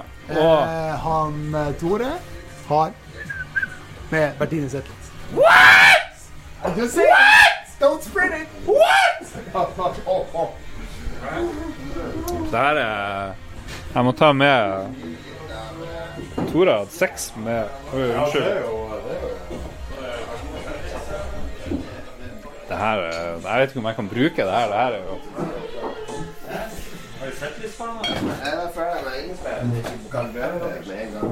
Tore Mikael. I tilfelle hyttebrann, eller er det bare sånn? Tore Mikael. Precis, Tore Mikael og at du har hatt sex med Bertine Zetlitz. Ja, men ikke si det offentlig. Vi kan jo ikke bruke det her. Det her blir jo over alle. Jeg sa bare Hun har plystra med Bertine sagt, vi har ikke sagt at det er artisten Bertine Sætlis. Det kan være flere som heter Det Det er sånn homodverg som heter Bertine Sætlis. Det ville vært mye mer Nå er det du som gjør at Må sette på litt mat. Hva er galt med å være homodverg? Det er ingenting. Vi er liberale. Alkohol. Det er jo helt vanlig, det. Oh, shit. Det er dokke. Faen, den der grensen med å være akseptabelt full og ikke akseptabelt full er veldig flytende. Kommer, kommer snikende. Patrots chicnos. Og det her ser så jævlig bra ut. var jævlig bra, Espen Ruben. Ja, very nice. Det var smart. Spis som en skje. Nei, Knut, for faen. Jeg hadde en sånn teori om uh, Hvis en av dem bare forsvant hytta, hvor, hvor lang tid tar det? tror vi det tar? før Jo, men det, det tok jo bare én middag. Hallo. Du var borte i tolv timer. I hvert fall tre minutter før vi ikke fikk med oss at noen var borte. Det var svin... Eller kyllinggodt. Spicy. Det har vært veldig kjedelig horrorfilm der vi bare suser og gjør som før. Liksom. Ja. Ikke for meg, altså. Nei. Vi sa 'let's go this way'. Jeg syns vi skulle hatt noe sursøt kylling. Sursøt svin. Ja, vi savner deg. Ja. Kom nå. Der står du. Sant, Jon? Ikke dekk på til han. Jo, det er mellom det. God plass. Du må ta med deg en stol der borte ifra. Ja, ja. Så er det bare å ta øltårnet. Oi. Ja, hvor er øltårnet? Skål. Dette skal være kokkenes skål! Kokkenes skål! Kokkenes skål! Hurra, hurra, hurra! Skål! Skål! Raus! Raus. Ai, ai, ai, ai. Nydelig. Nydelig. Våre superbe kokker overrasker egentlig ikke igjen. De er egentlig gjør som mange.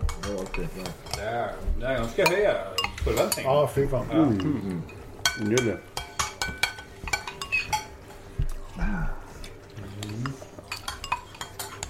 Og litt gelé. Ah, fy faen, det var godt. Og så spurte jeg det som sikkert mange lurer på, hvorfor gidder de å lage maten? Ja, det lurer jeg på. Jeg bruker å fortelle folk om den turen jeg sier. Hvorfor gjør de det hele tida? Jeg vet ikke, jeg kan ikke svare på det. For å, sitere, for å sitere han Tore, hvorfor kan vi ikke bare ha Grandiosa? Sa Tore det? Tore er misfornøyd. Altså, det var jo en gang vi skulle lage biff hos Espen. Og kjøpte inn kjøtt og skulle grille. Og sånn. Kom, Tore nekta å være med. Han hadde, skulle ha med seg en Grandis. Det her får dere spise. Ja, da kan man styre jævlig grillinga. Det er unødvendig.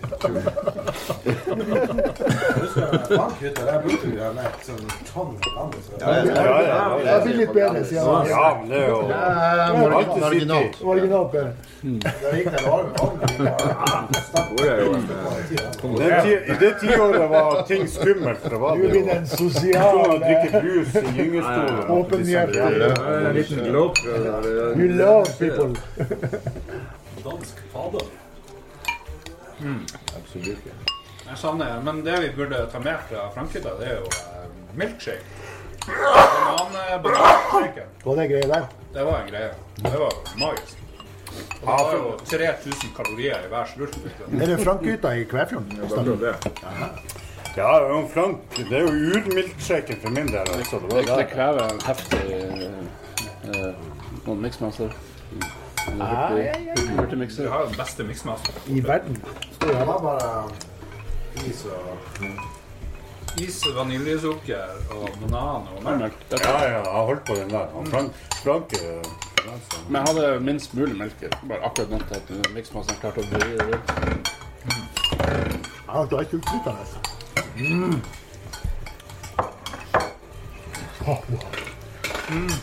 Hatt, hatt, hatt. Og så husker jeg med den tanken her om å kjøre i sånn snøstorm ute Frankrike i, i sånn 120 km i timen eller noe sånt. Da man så sånn Jeg er veldig glad for at jeg lever i dag. Nei, altså, når det var snøfall, så tror jeg det gikk fortere enn 10 km i timen. Nå, ja. Du som faen. Hadde det alltid travelt. Ja, han kjørte som faen. Altså, jeg husker også en gang vi måtte dytte Frank sin bil fra den bakken opp fra Kvæfjord. Nei, det var Dredd. Det er den røde faren. Hvis du kjører hjem fra hytta, så kommer, stopper bilen i den bakken, så Han har vel en triller ned tilbake mot Kvæfjord. Du sprang bak den bilen og trilla den helt bort til Kvæfjord sentrum. Men det var i dag vi fikk en sånn lokalkar som for sprang fram og tilbake med en sånn flaske med vann som hun fylte på. Ja, alle bilene Espen hadde, har jo vært totalt dritbiler. Han hadde den der blå først. Nei, det var den Han røde. hadde jo Var far, den røde før den blå? PB kjøpte jo bil til Dredd når han krasja bilen til faren. Så var det rett å kjøpe bil til 20 000. Men var det den røde som eh, rattet låste seg? Ja, ja, ja. Det var Men det er ingen som tror på en stol. Når Hvis jeg fortalte det sånn utenforstående, så har alle tenkt at det der var en sånn løgnhistorie. Det er tre vitner, da, så det skal jeg love deg at det var ikke noe drøm. Og den der bilen til Dredd, husker du fikk den den helga, så skulle vi kjøre opp til Setermoen i februar, eller når det var, det var sånn minus 20. Uh, yes, første turen skal vi kjøre til Setermoen, og så Oi, varmeapparatet virker ikke. Jeg holdt på å fryse i hjel. Espen satt med sånn én hånd på rattet og så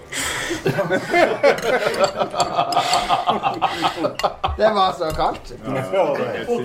Altså, også, jeg, måtte, jeg, måtte, jeg, jeg, jeg kunne jo ikke sitte med hendene inne, for jeg måtte hele tida skrape den ruta foran. Fordi det isa på. Ja, det var, det var en jævlig tur opp. Sånn der bremse, den der kabelen til bremsa som hang seg opp, husker du det? Den frøs fast. Så den, eh, Det var mye inn eh,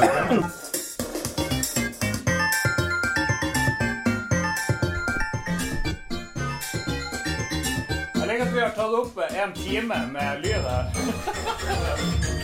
Lolba 277. Coming at you live.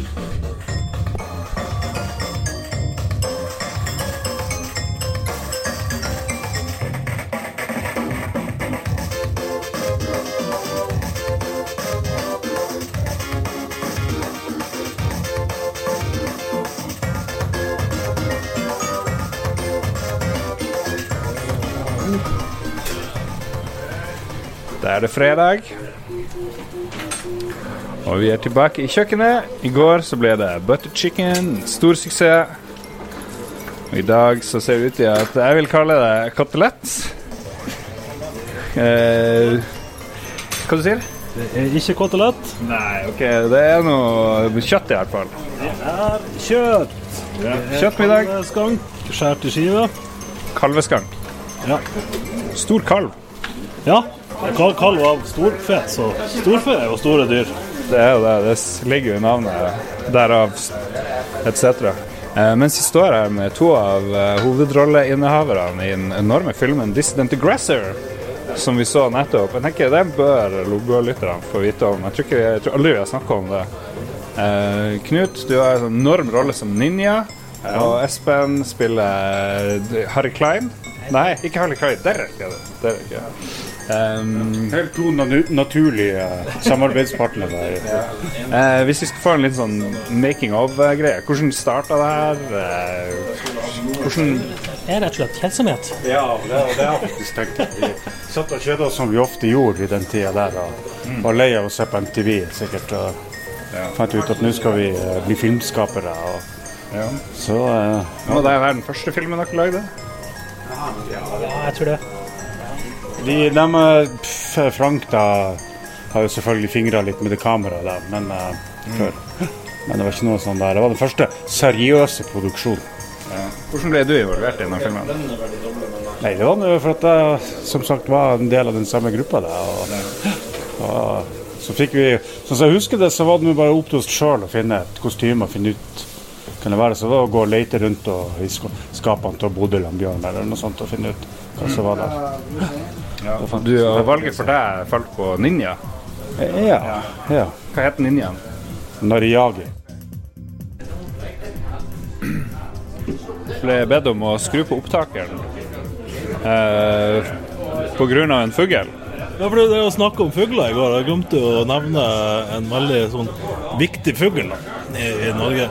Det kjennes igjen på sånne si, karakteristiske kvitrelyder. Det heter kuksugerfugl. Hva den heter Kuksugerfugl. Den lager sånn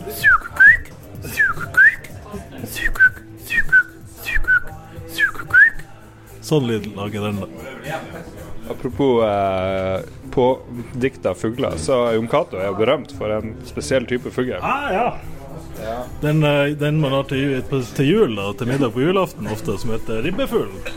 Ja, Det er det også er- en fugl. Ja.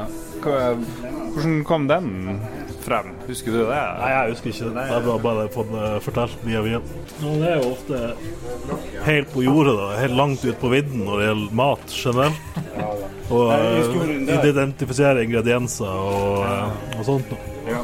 Historien der var ganske uskyldig, men det var, ribbefuglen var jo bare rett og slett at noen trodde at ribba kom ifra fugl istedenfor gris. Han har sikkert sett noe sånn turkey-middag og sånn på TV. Eh, men jeg husker jo på første utrykningslaget til Jon Cato, det var jo en av oppgavene. Det var at vi hadde med en masse frukt, tror jeg. Frukt og grønt. Så måtte han identifisere de ulike tingene. Og han hadde jo stort sett ingenting rett eh, der. En, av- en av mine favoritthistorier med Jon Cato mat er jo hva han skulle lage pannekaker eller vafler eller noe sånt. Eh, jeg husker ikke helt tallet, men om han hadde skulle lest feil på bakken, selvfølgelig. Så kom han liksom inn i stua litt sånn stressa og lurte på om noen hadde sånn stor, veldig stor bolle, da, for at det var liksom ikke plass til den normale bollen. Og så at jeg ikke man fant en balje eller noe sånt som eh, at det var, La oss si det var pannekaker som laget, og så hadde han vel lest sånn tigangen feil i, i vannmengde. Som han skulle ha fire liter eh, vann, eller 40 liter vann. er Ikke Nei, var det han Tore?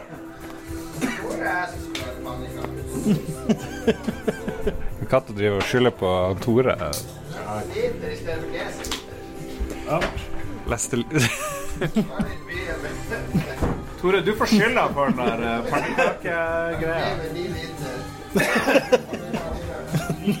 Skal ha ni liter pannekaker. Det hadde vært skikkelig deilig sånn jeg bare heller vann basically rett opp i pannekaker. Du brukte jo det der skuffa på kjøleskapet for å blande på mange måter ha så mange. Men du hadde ikke noe sånn skuff. Jeg brukte den baljen fra baren. Du får ni liter. Du er jævla tynn. Så du var ute av vann. Men du er det ikke så bra når du steker. Prøver å steke, da. Her har jeg et spørsmål som for Lundbø, det er en ting som jeg lurer på, da, som jeg satt og tenkte på en dag her. Det er tilbøyeligheten til å velge skal si, motsatt karakter, eller mot, unnskyld, motsatt kjønn i, eh, i spill.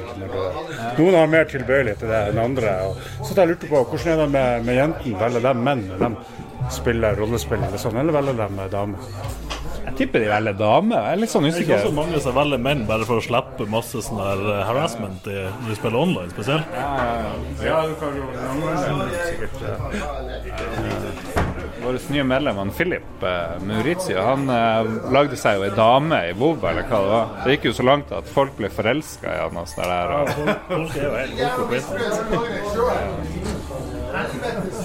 Nå kom jeg på en ting som du holder på med, Knut, som fascinerer meg litt. Og det er at du driver og tråler forumene til sånne resett.no, eller kommentarfeltene. Ja, Resett.no og VG. Det holdt et par dager da jeg fant ut da jeg gikk, gikk på den første feriedag. Og så fant jeg ut at ja, kanskje jeg skal Kanskje jeg skal bli engasjere meg i, i samfunnsdebatten der. Og så skulle jeg liksom gå inn og så prøvde jeg å gå inn og skrive et par sånne ordentlige tilsvar og skrive et par noter, men det var jo ingen som svarte på det jeg sa. Jeg fikk jo bare dritt slengt i trynet. Så etter hvert da, så ble jeg bare mer og mer bitter, selvfølgelig, sånn som skjer med alle der. Og, eh, så, eh, så til slutt så ble jeg bare sånn der, eh, begynte jeg å trolle sjøl også. da. Men etter Ja, for det tok, Hvor mange dager tok det før du liksom kom til det vippepunktet du begynte å trolle? Ja, det var, det var i løpet av to, to dager. Første dagen var litt sånn ordentlig. Den tiden til radikalisering er veldig kort. Men det her illustrerer jo bare hvordan det fungerer for veldig mange tror jeg, på nettet. Det er liksom, Du kommer inn med gode intensjoner. Nå skal du lære de her Resett-folkene et eller annet, og så bare blir du en av de her eh, Ja, det blir, jeg, karene. ble, jeg ble faktisk det monsteret som Som jeg skulle bekjempe. Jeg ble det. På, selv på, men jeg er jo på venstresida politisk, da, så jeg ble venstresida-monster. da. Foreløpig. Men det er jo det der, du bikker vel over i politisk standpunkt også til slutt? Ja, først skal jeg innom psykiatrien. og Bikke over i psykiatrien. Satt du og smugleste inne på Resett? Eller er det på HRS og Hege Storhaug som hadde lagt ut noe nytt? Var det på Resett, eller? Ja, for, uh, ja, jeg bruker jo å se litt hva som rører seg der inne. Det gjør jeg jo. det. Uh, Noen ganger er det jo morsomt å lese det der kommentarfeltet, men uh, Er det noen spesielle tema du går etter, eller er det bare Er det innvandring som er tingen, der? Eller? Ja, så har jeg jo en uh, jeg må vel si tidligere venn nå, da. Som var ganske gode venner før, da, som har skrevet noe på Reset, så jeg bruker å følge med om han skriver på nytt. Da, sånn der, og sånn, som må faktisk illustrere Robin sitt poeng, for han var uh, langt, langt ut på venstresida, kommunist. Og så flytta han til Danmark, og så tippa det over fra han der uh, for noen år siden. Og nå er han ganske langt ut på høyresida. Så uh, Men når du ja. Du går jo og venter sånn, hvem er den første gjengen som bikker over? Og blir det sånn her kommentarfeltfjott? Det jo Som brun, brunt Du oppgulp? blir jo utrolig sliten av det. ikke sant? Du sitter og skriver, så får du, får du, ikke noe, du får ingenting ut av det. Ingen saklig debatt. ikke i det hele tatt. Du får bare dritt igjen. Men du er jo der fremdeles, og du skriver vel innlegg? Og... Nei, ikke nå lenger. Jeg gidder ikke nå lenger. Du er en passiv tilskuer? Ja, ok, jeg, kan, jeg kan trolle litt av og til. Jeg kan gjøre det. Bidrar ingenting, liksom. Ja, det skal eder og galle, det er Det er sånn fint. jeg skriver under fullt navn. altså. Så- Snakker du om eh, når du er i kommentarfeltene til VG nå, der du prøver å skape en nyansert debatt? Ja, vi er litt innom der. Nå er jeg på Riset. På Resett. Ja, men det er den mest nyanserte debatten, mener du? Um, nei. Ja, skal vi kjøre litt bakgrunnsmusikk? Panisure! Panisure! Panisure! Nei, Panisure! Eh, Patte er jo pupper. Patte!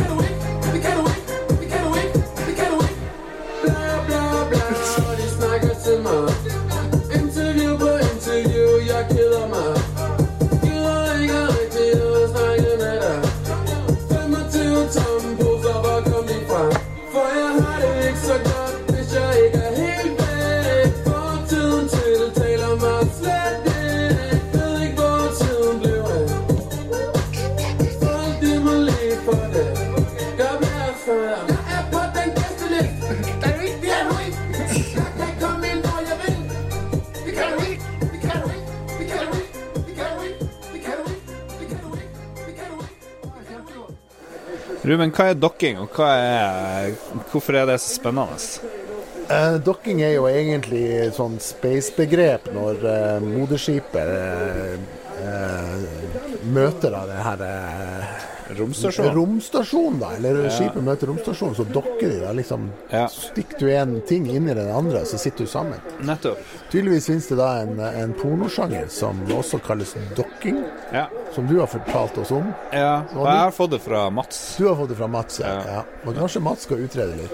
Ja, men det blir senere. Og det er ingen som har giddet å google. Vi har liksom vært på nippet til å google, men så bare Vi blir sikkert bare skuffa, eller så blir det bare disgusting. Det er litt spent på. Hva skjer etter dokkinga? Er det, that's it? Ja, er det men dokking er jo når du drar forhuden til én penis over den andre penisen. Ja. Og hva skjer da? Er det det? Det, Ja. det, det føles litt tomt. Det er ikke så mye som kan skje. For hvis, Ekstra nytelse i øyeblikket. ekstra nytelse. Men liksom, hvis du er veldig erigert, så, Det går det jo ikke. så forsvinner forhudspotensialet. Brutalt. Så det er egentlig et teit opplegg. Det vil si at når du Ja. gjør det, så kan du ikke være fullt så opphissa som du burde være. Ja, nettopp. Mm. Dokking er som å holde hender, bare med penis. Nettopp. nettopp. Ja. Uten å kunne shake hands etterpå. Ja. ja. Nei, men hvis noen som hører på det her, er oppdatert på dokking Fordi um, Mats er ikke med, og det er lenge til vi skal prate med han, tror jeg, så Mm. Det blir jo et år til det her blir tema igjen. Kanskje vi har et nytt tema, da. Ja. Jo da. Veldig bra, Robin. Jeg, skal, jeg må hente inn den 2-0-ledelsen han har fått. Eh, og det er jo Lars i feil. Åpenbart, åpenbart Lars i feil. Hva, hva er det som, hvorfor går corneren dit? Ja, veldig spesielt. Oi! Mm, mm, Eh, siden vi nå sitter her og spiller, vi kan ta en liten hva vi har spilt siden sist. Uh, Ruben, har du uh, Ja. gama noe? Jeg har faktisk spilt Sudden Strike 4 på PlayStation. Og det var jo en gammel PC-favoritt før i tida. Det er sånn at du, skal, du får lov å være Tyskland og angripe eh, Sovjetunionen i forskjellige missions. Da skal du utplassere infanteri og tanks og alt sånt, og så kan du mose på. Okay. Så må du bruke tactics da for å, for Ja, å ta ja. Du kan togle gjennom en hel armé, så kan du plassere f.eks. infanteriet på én eh, knapp og tanksene på det andre. Og så kan du, når du kjører dem fram, så kan du sette dem i forskjellige sånn tactical maneuvers og ligge og dekke for den Ah. andre. Så kan du sette artilleri bak som kan bare bombe løs. Og så har du sånne recon-fly og jetfighters og bombefly som du kan, som du kan kalle inn ved anledning hvis det tillates i spill. Så kan du ta fiendens utstyr hvis du ikke ødelegger det, så det er lurt å ikke være for hard på labben også. Men du kan ikke sette deg inn i en tank og kjøre den Nei, sjøl? nei, det kan du ikke gjøre. Det er en sånn, der, eh, eh, sånn birds point of view, så du sitter Mm. overfor og styrer, så kan du zoome litt inn i det.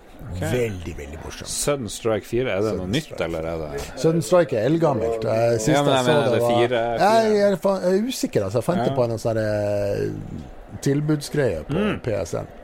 Ja. Det var veldig bra. Ja. Jeg begynte å spille Civilization på uh, Nintendo Switch. Civilization 6, er det det? Ja, ja.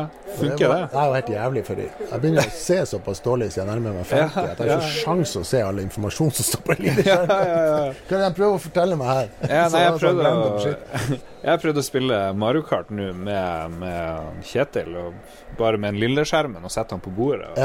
Det var veldig utfordrende. Det var det. Og selv det her eh, fotball Jeg ser jo ikke ballen av og til. Men Og jeg tror det er når man er vant med sånn 65 tommer oppover, så blir det Ja, litt sånn rart.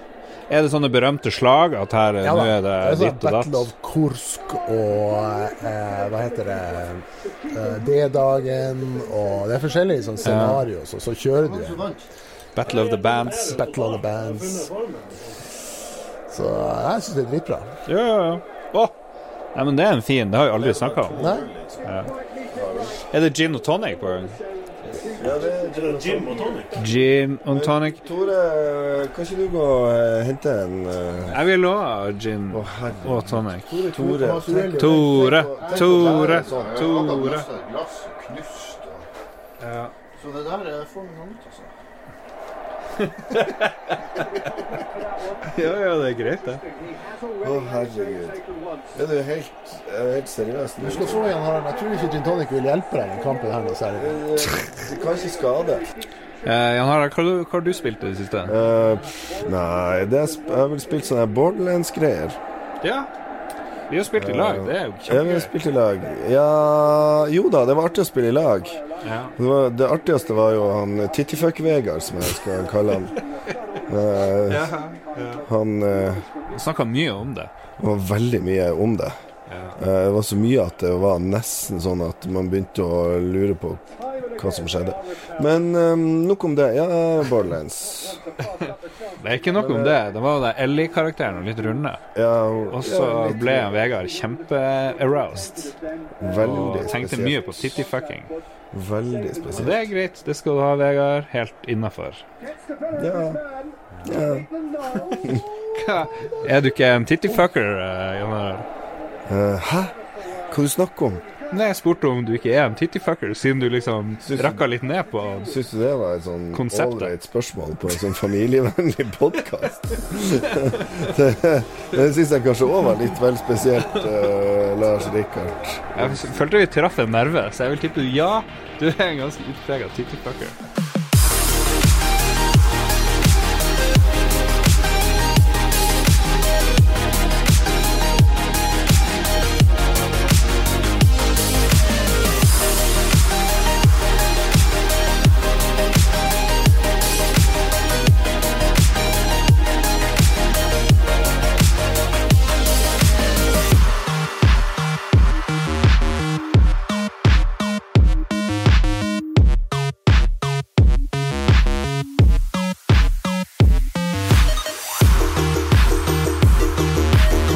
Brødrene Lund og Franke sitter her og diskuterer hvordan det gikk i Twilight Imperium. Hvem det var som vant?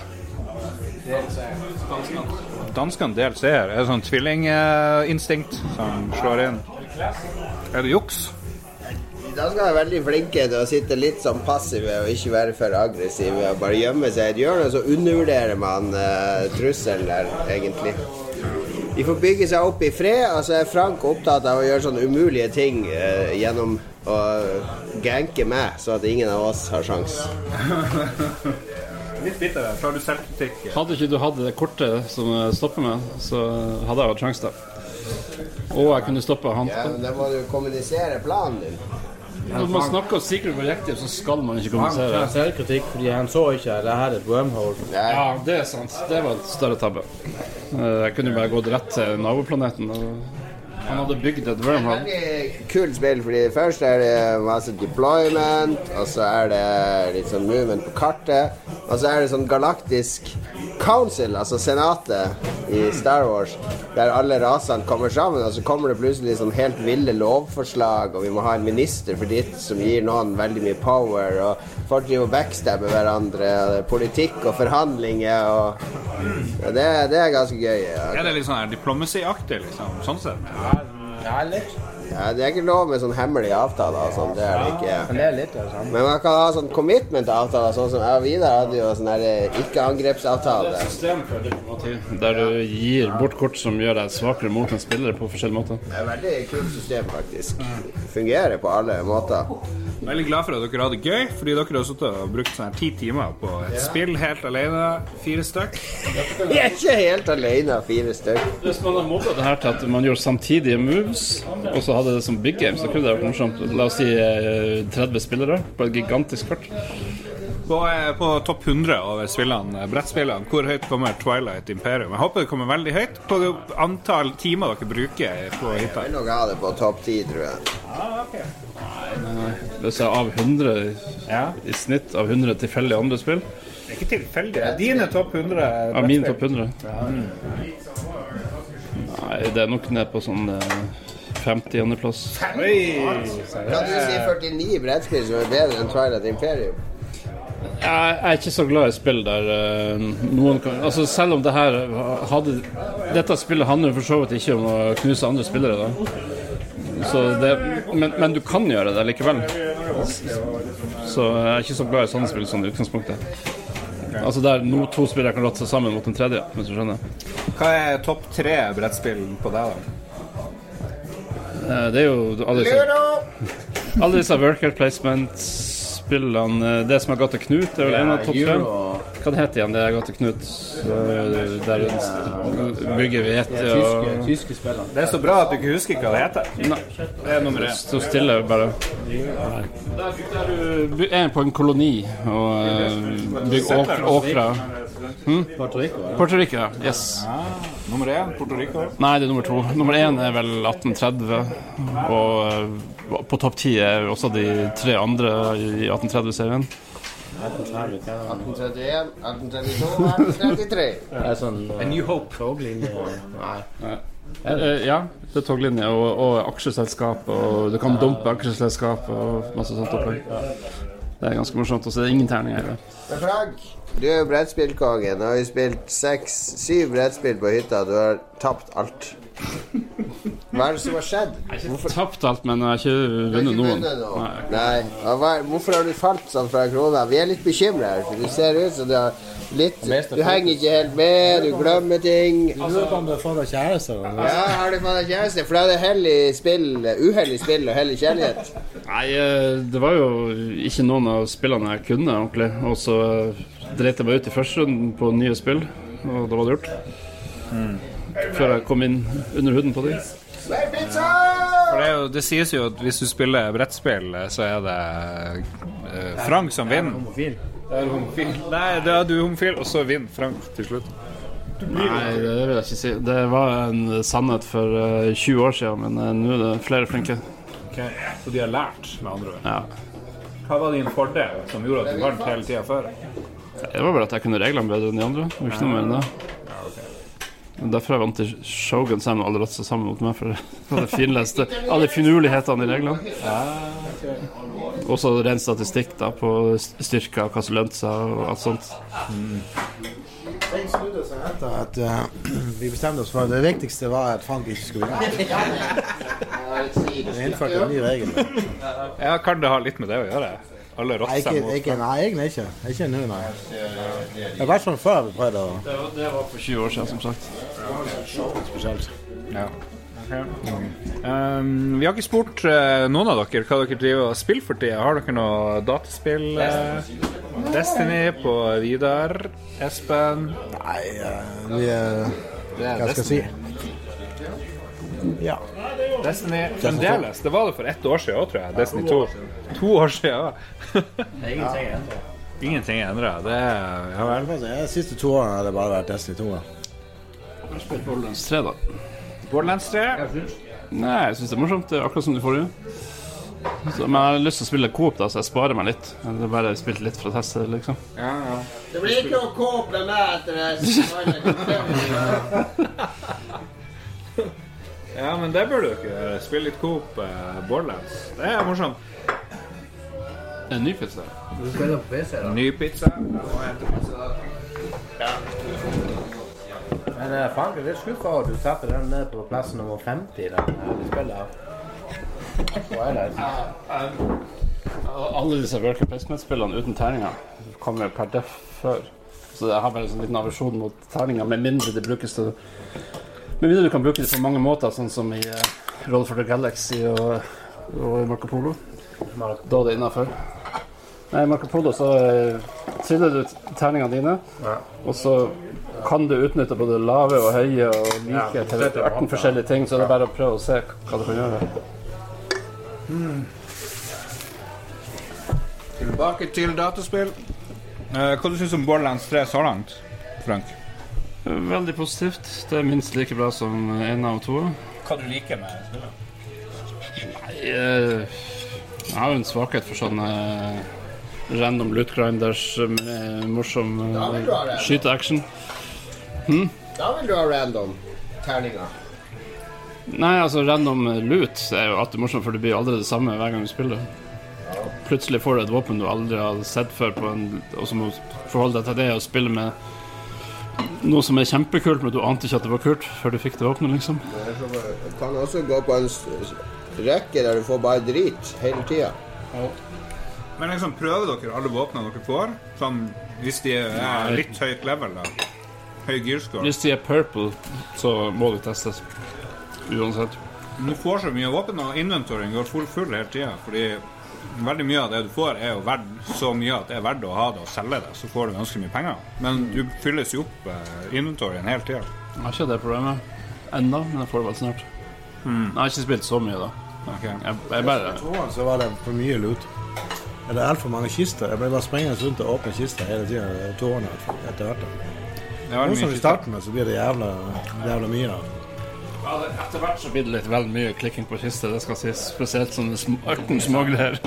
Ja, det er liksom sånn Overalt er det sånn bokser og kister og sånn dit du kan åpne hele synes ikke mye, Men fordelen nå er at du trenger ikke klikke på ammo og sånt. Det bare flyr i deg som eh, du, du har en magnet. Ja, det og penger. Men, alt, annet, men selv pengene Du må trykke på alle de små grønne lysene for å få pengene ut av de. Ja, for å åpne de små boksene. Ja. Jo, jo. Men uh, For meg så fargeblind er det ikke alltid like enkelt å se de grønne lysene heller. Jon Cato, har du spilt noe nytt siden sist? Ja, men jeg spiser pizza. Du spiser pizza, OK? Jeg har spilt uh, Jeg har lest om noen morsomme spill jeg har lært siden sist. At i mange nye spill nå så er det kommet en sånn uh, dysleksifunksjon du kan hooke opp, som jeg syns var kjempeinteressant. Hva er det for noe? Det endrer fonten i spillet, så det er lettere for dyslektikere å lese. Fordi det er en sånn egen font for dyslektikere som uthever veldig de runde formene. Sånn, blir sånn tjukk. tjukk. Det ser veldig rar ut med fonten hvis du ikke er dyslektiker, men de viktige Dyslektikere leser jo med å tolke bilder på en annen måte enn vi gjør. Så jeg prøvde det på Synne, som er dyslektiker, og hun var Oi, det var jo mye lettere å lese. Hvilket spill var det? Det er i Wilmots Warehouse og flere andre nye spill. Så er det en sånn dysleksifunksjon. Så jeg var litt nysgjerrig på om- hva, hva, hva skal det gjøre. liksom? Skal det bli sånn megasvær font, eller hva skal det gjøre? Jeg har skrevet om, så det er enklere ord, men nei, det var bare å bytte ut en font. Men det høres ut som noe du burde gjøre i alle sammenhenger. Arbeids, Ja, ja, ja. jobbsammenheng og alt. Eh, ja. Det, det, det er en Chrome-extension som du kan installere i Chrome, som gjør om for alle fonter på nettsida til den fonten. Det var ikke spill, men det, er- det var noe jeg har lært fra spill, da, som jeg synes var interessant. Lolbua hjelper deg hvis du er dyslektiker. Du kjenner noen Noen spill her, da? Og Chrome Extension. Det er jo kjempehjelpsomt. Ja. Mm, jeg sitter med en bok foran meg her. The Cosby Wit. His Life and Humor. det er en bok fra 86. Det er en sånn koselig bok. Ser ulest ut, faktisk. Um, Om han Bill Cosby i sitt liv. Når han, Bill Cosby var hele Norges eh, svarte eh, onkel. Mm. Har du med alle detaljene om livet hans? Du jeg på. Har du sjekka? Jeg har ikke sjekka, men det er jo litt gøy. Jon Cato hadde med en bok til alle. Som en sånn fin gave. Tilpassa. Så Espen fikk eh, Manchester United-boka. Regner med du har studert litt. Espen er jo nyfrelst. Ja. Han er en av disse som Å ja, er det Solskjær som er trener? Ja, men da må vi begynne å følge litt med. Ja, ja. Men det får vi se hvor lenge det varer. Begynner det å dabbe av allerede? Nei, Ja, de Taper mye, da. De sliter, de gjør det, altså. Ok, Nå er det litteraturspalte. Jabba, driver du og leser noe for tida? Nei, det blir lite, lite lesing. Altså. Altfor lite. Veldig lite. Jeg innrømmer, jeg har fremdeles det her, eh, Game of Thrones-bøkene dine som jeg lånte i 99 eller. Ja, nei, jeg har lest dem, så det går greit. Bare beholde den.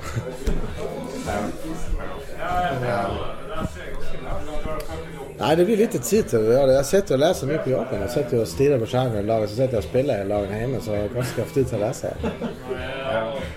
Jobber du fremdeles med å utvikle våpen? Ja, ja. Vidar, litteraturspalten har kommet veldig dårlig i gang. Har du noe å bidra med? Ja Siste jeg leste, var aktuell rapport. Romantikk. Husker du hva favoritthistorie var i aktuell rapport? Ja, det var hun der som var um, mista møydommen. Ja. Han, uh, med han uh, kjørelæreren. Uh. Mm. Du var flink å gire. Nei. Ja, for hun var, hun lærte veldig lite kjøring der. Det ble mest andre ting.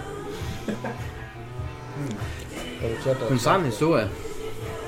Ja, Ok. Men vi har S i ermet. Vi har eh, Frank Tore Johansen, fremtidsoraklet i Lolbua, som er en stødig kilde til litteratur og anbefalinger. Jeg leser mye T-bane til fra jobb, eh, når jeg spiser ute, når jeg legger meg. Mm. Uh, ja, nå har jeg akkurat begynt på Ghostwater bok sju. Den eh, virker like bra som alle de foregående.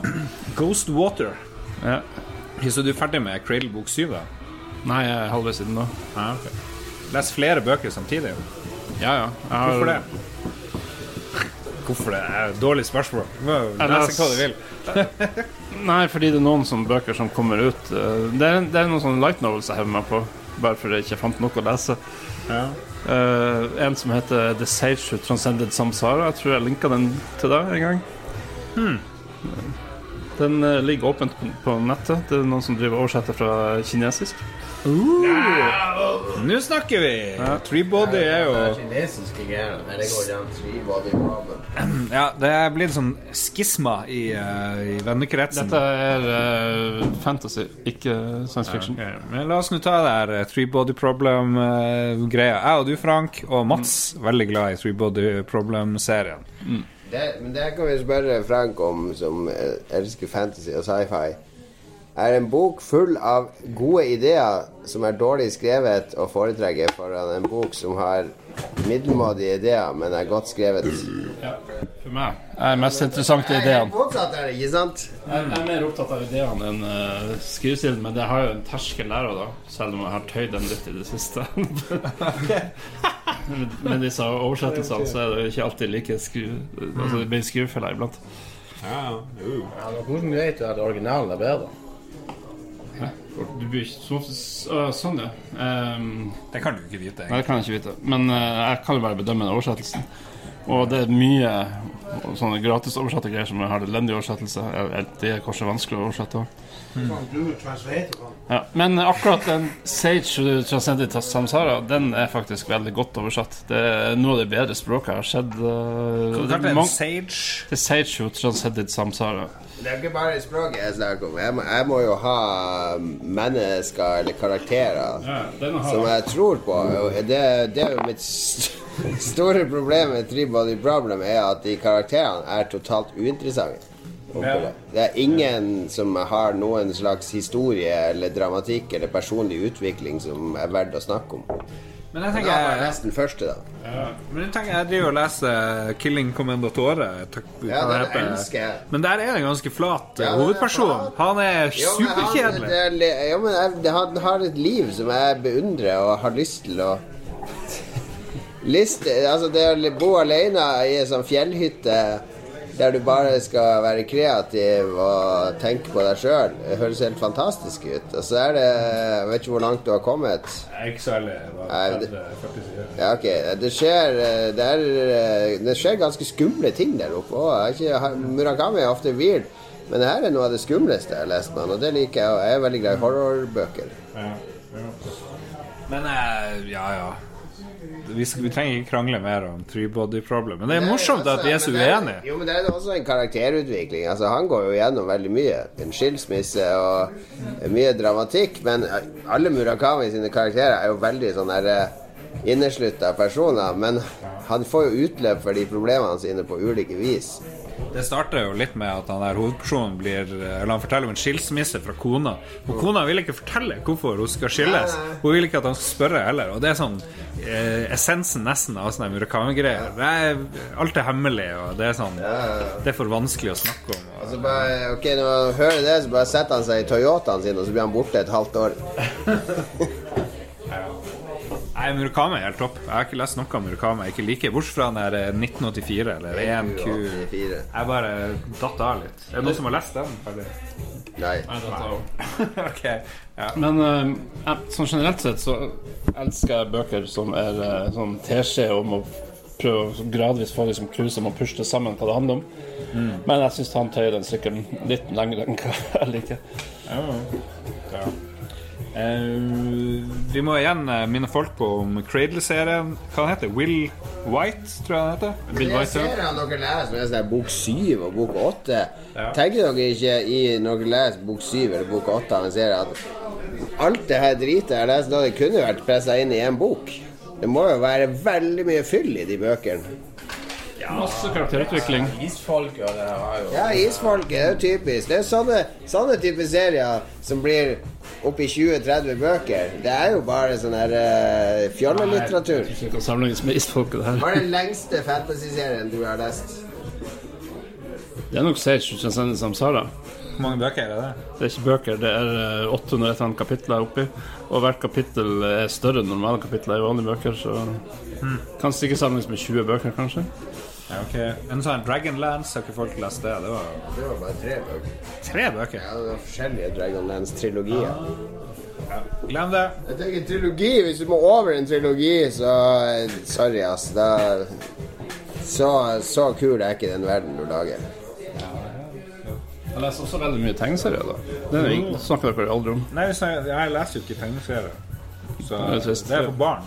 Sluttet å lese Donald. Jeg anbefalte en tegneserie nylig, en Frankenstein av han japanske horrortegner Osuro, eller hva han heter. Det er en sånn horror eh, Han som tegner spiraler. Ja, ja, ja.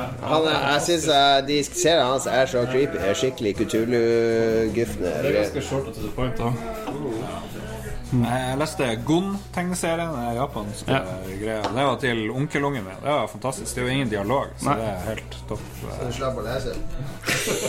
Ja, men jeg sier jo nå så det, og så skjer det Oi, se, nå er Gon sint. og Det kommer en maur i nesen hans. Sånn. Det er morsomt. Nei, eh, tegneserier, så eh, er det en haug jeg følger med på. En av de jeg følger med på, er Kingdom, som handler om eh, de store slagene som danna Kina. Men overdrevent, da. Så, Kina igjen? Kina igjen. Jeg trodde det var sånn Det- Japan. det er en- Jeg trodde det var japanofil. Har du bytta, bytta legning, da? Det er en japansk manga. Den er japansk. Og Kina, da må det jo bare være Det er bare maler Kina med den mest negative penselen ever. Den har en sånn helt spesiell stil der Alle eh, kinesere ser ut som gorillaer. du, du har hørt om begrepet 'larger than life' om personer? Ja. I denne serien så blir, blir de større jo mer eh, Hva skal jeg si Jo mer mektige de er, på en måte. Fysisk større. Så, så du kan liksom bare se på karakteren og Å, han er så tøff, ja. Ja vel. Det er litt sånn spesiell stil, men det har en sånn overdrevet perspektivting som funker bra. Yeah. Men uh, Cradle-bok 7 Men jeg, jeg leste Crane-bok 1 til 6 etter hverandre. Og det er, sånn, det er kjempekult. Det handler om en sånn superheltverden, egentlig.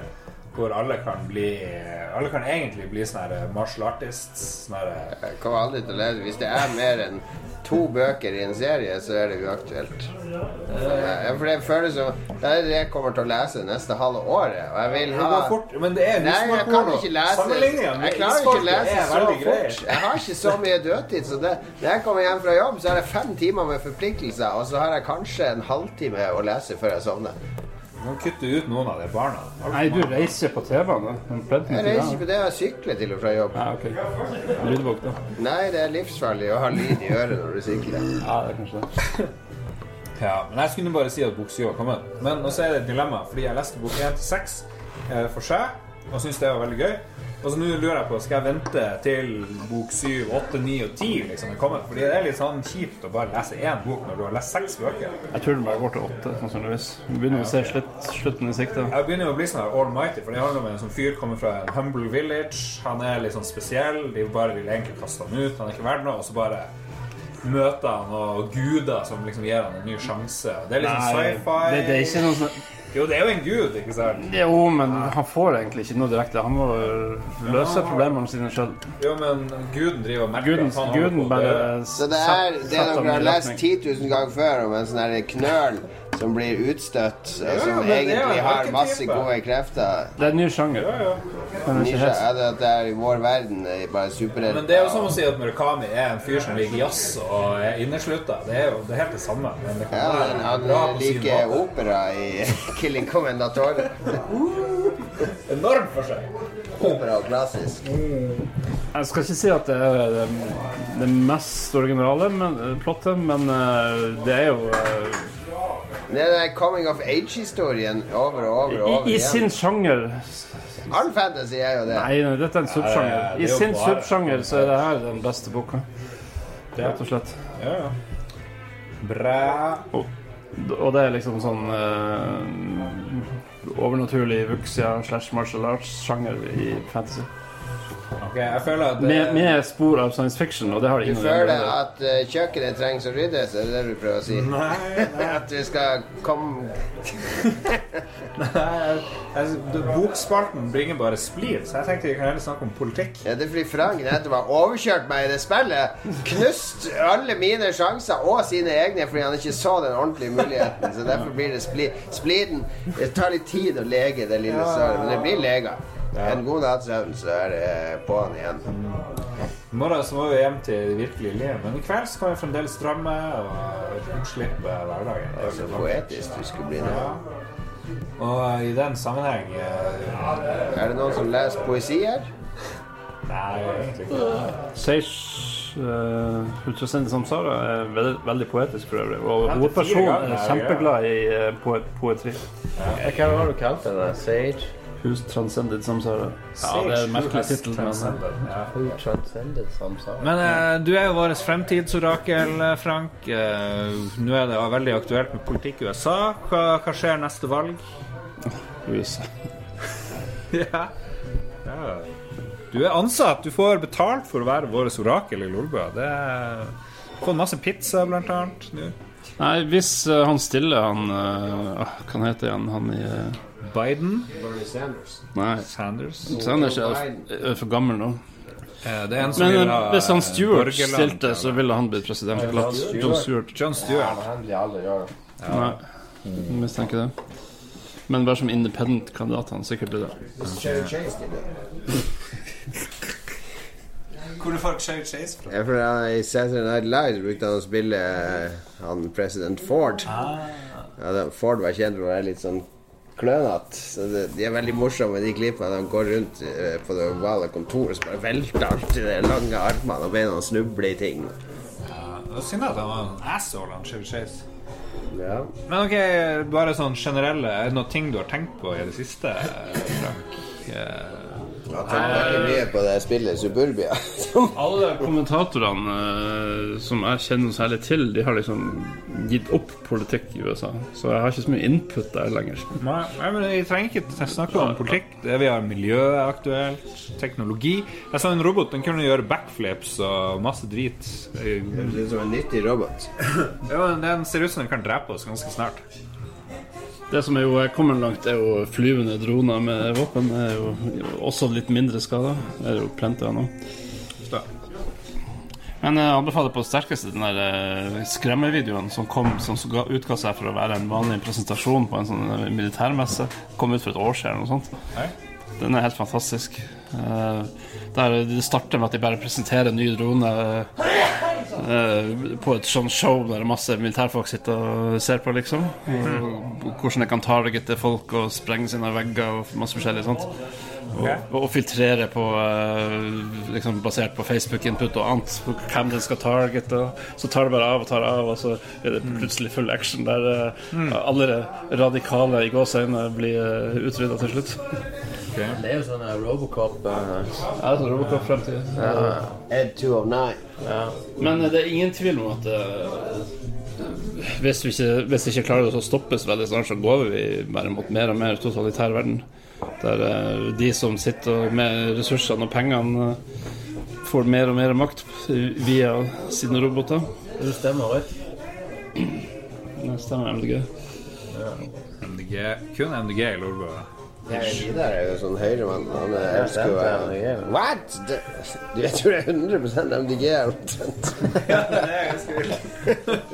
Jeg bor jo midt i byen. Ja, ja, ja. Du, du, du, høster jo alle godene av politikk. Ja, ja. Nei, Jon Cato, jeg vet ikke, er det noe mer vi bør spørre de vi har? Panelet? Nei, nei, syns ikke det. Spør du videre hvordan det har gått med laks? eh? Strykingen. Ja, Vidar jobber med fiskeoppdrett og programvare til fiskeoppdrettere og sånn.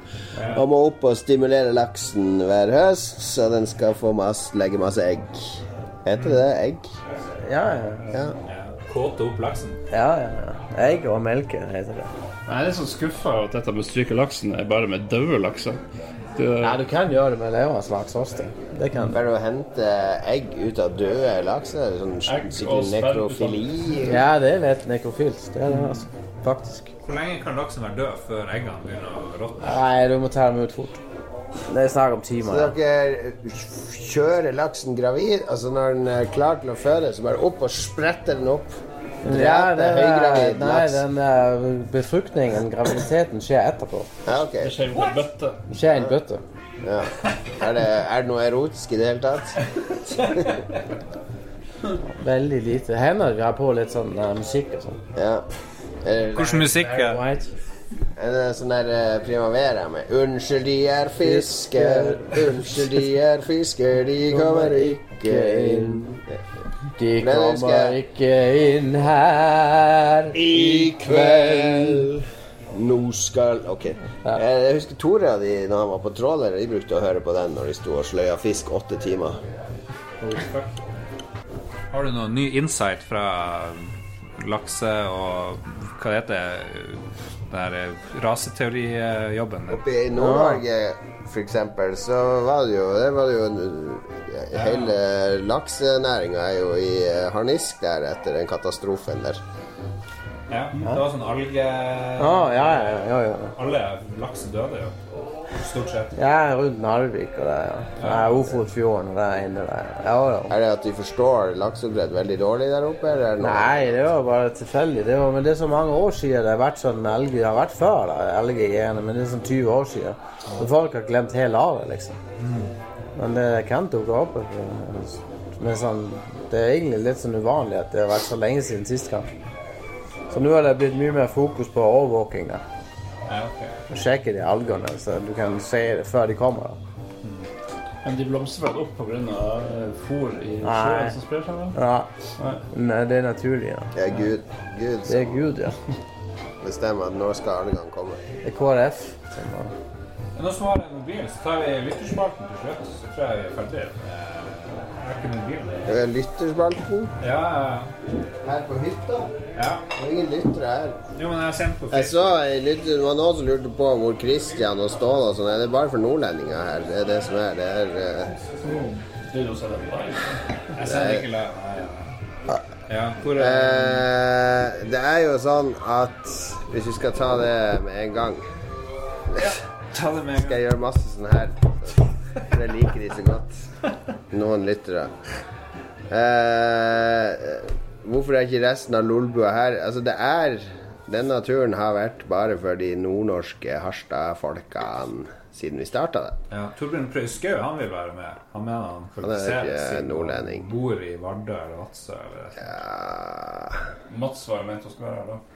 Mats ble å være med, ja. Men Ståle, Kristian, eh, Katarina og Dag Thomas, de er uh... Etnisk rensing på hytta. Ja, ja, ja. Ja.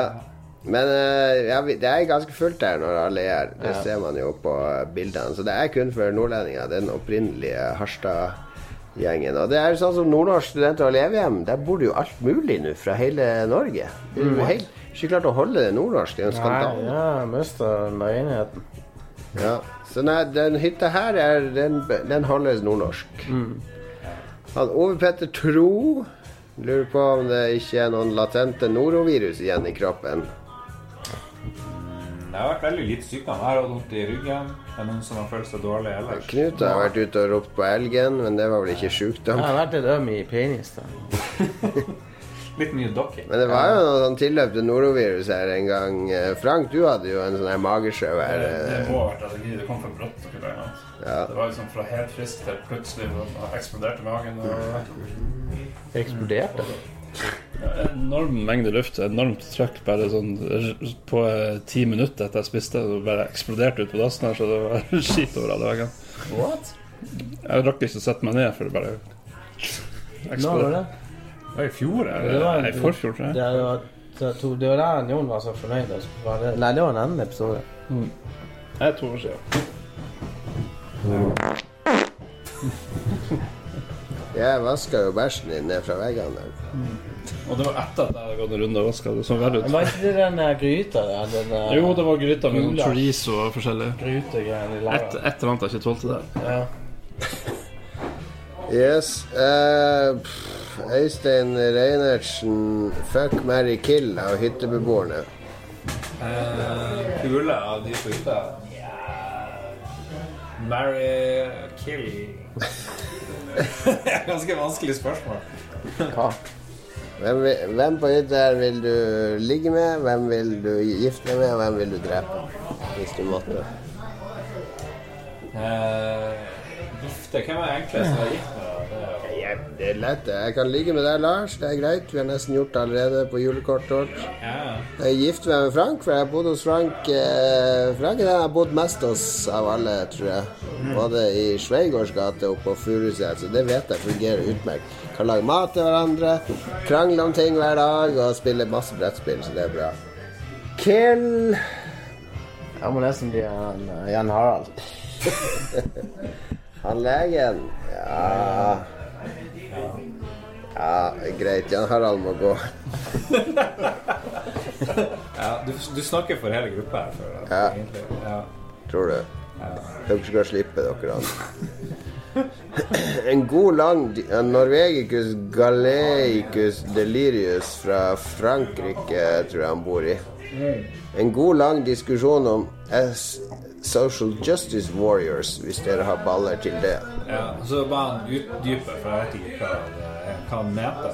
En social justice war Altså, det er jo et Det er veldig få som identifiserer seg som det, men det er som hvis du Hvis du kaller noen rasist Det er veldig få som kaller seg rasist, mens de blir kalt rasist. Så det er et uttrykk de som er kanskje litt på høyresida, liberalister og sånn, bruker om sånne som hever stemmen for å si at ting er urettferdig mot damer eller fargede eller sånn, og det ikke tilhører den legninga eller den fargen sjøl. Ah, ja. Og det er, det er jo sånn krig mellom social justice warriors og gamergaters og ja, Antifa. Antifa mot uh, fascistene osv. Jeg lurer på om Bill Burr, han komikeren, er litt sånn kritisk til so social justice warriors. Han var i hvert fall veldig kritisk til metoo-bevegelsen. Mente han gikk for langt da. For han et av slagordene der er jo 'believe women', som jo er et fint slagord. Men han mener at man skal høyst tro på kanskje 80% av damer. Fordi de, er, eh, de som brenner tingene dine når det går dårlig i forhold og går helt sånn amok, det, de bør man kanskje ikke belive. Så. Det var litt morsom, ny morsom standup fra Bill Burr. Ja. Det er jo ikke standup det man bør se på for å bli eh, informert om hva som skjer i verden. da. Altså Det store spørsmålet er jo om vi vil få en ny fransk revolusjon før teknologien gjør at det ikke lenger er mulig. Ja, hva, det her er interessant. Hva du mener Ja, Du husker den franske revolusjonen? Det var jo en ren underklasse mot overklasserevolusjon. Det var jo første gangen liksom folket fikk kontroll over en nasjon, og ikke overklassen. Men er social justice warriorene overklasse eller underklasse? Ja, hvis de slåss for social justice, så er de jo på lag med underklassen, på en måte. Eller eh, middel, og underklasse. Men Det som jeg syns er vanskelig med eh, social justice warriors, hvis man skal kalle dem det, er at de ofte Altså, jeg, jeg mener at man må velge sine kamper. Så å hyle og skrike om alt mulig, da blir det bare veldig mye støy.